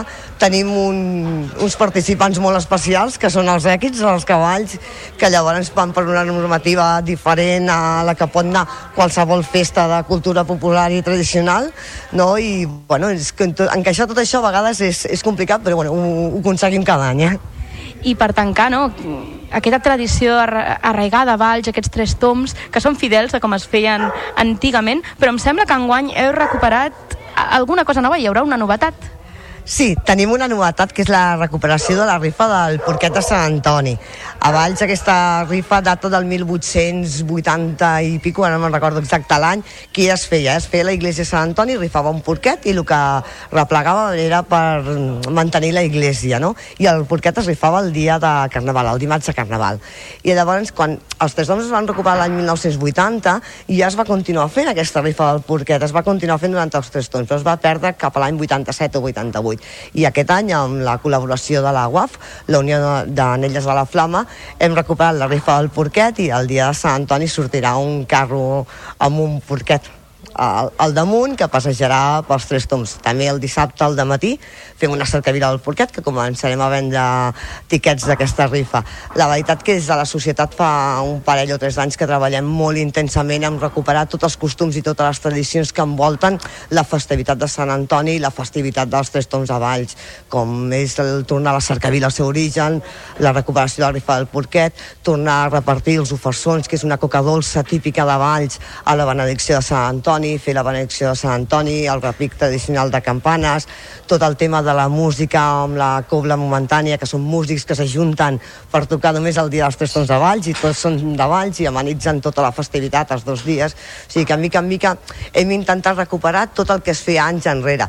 Tenim una assignatura pendent, que és el ball de la tarda, perquè típicament a Valls es feia un ball el 17 de gener, tenim aquesta assignatura pendent que sempre diem l'any que ve, l'any que ve, però esperem l'any que ve poder-la recuperar, perquè llavors tindrem tot el cicle festiu envoltant a Sant Antoni complet.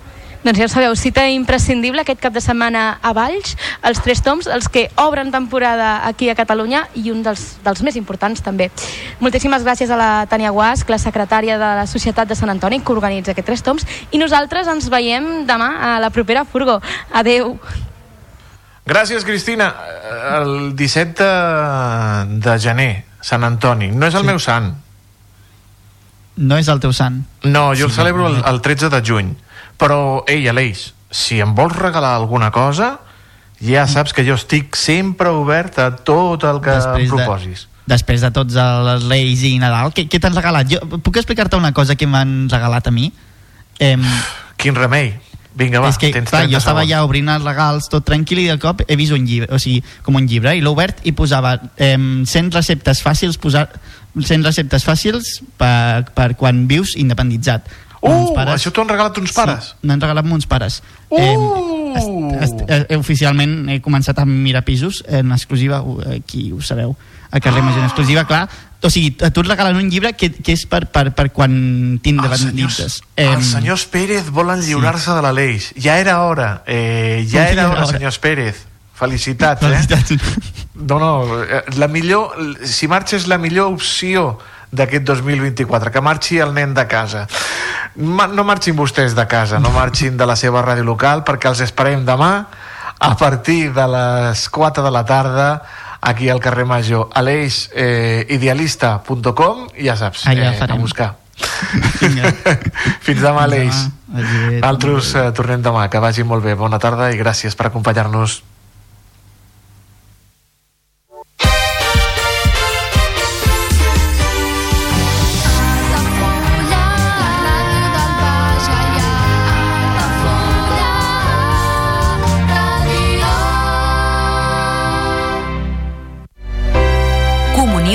2024. Dates ja disponibles amb sales privades, jardí, pàrquing privat i la millor gastronomia. Més informació i reserves al 977 65 11 55 i a comercial arroba altafullamarotel.com o al web altafullamarotel.com. Les teves celebracions familiars a l'Altafulla Mar Hotel.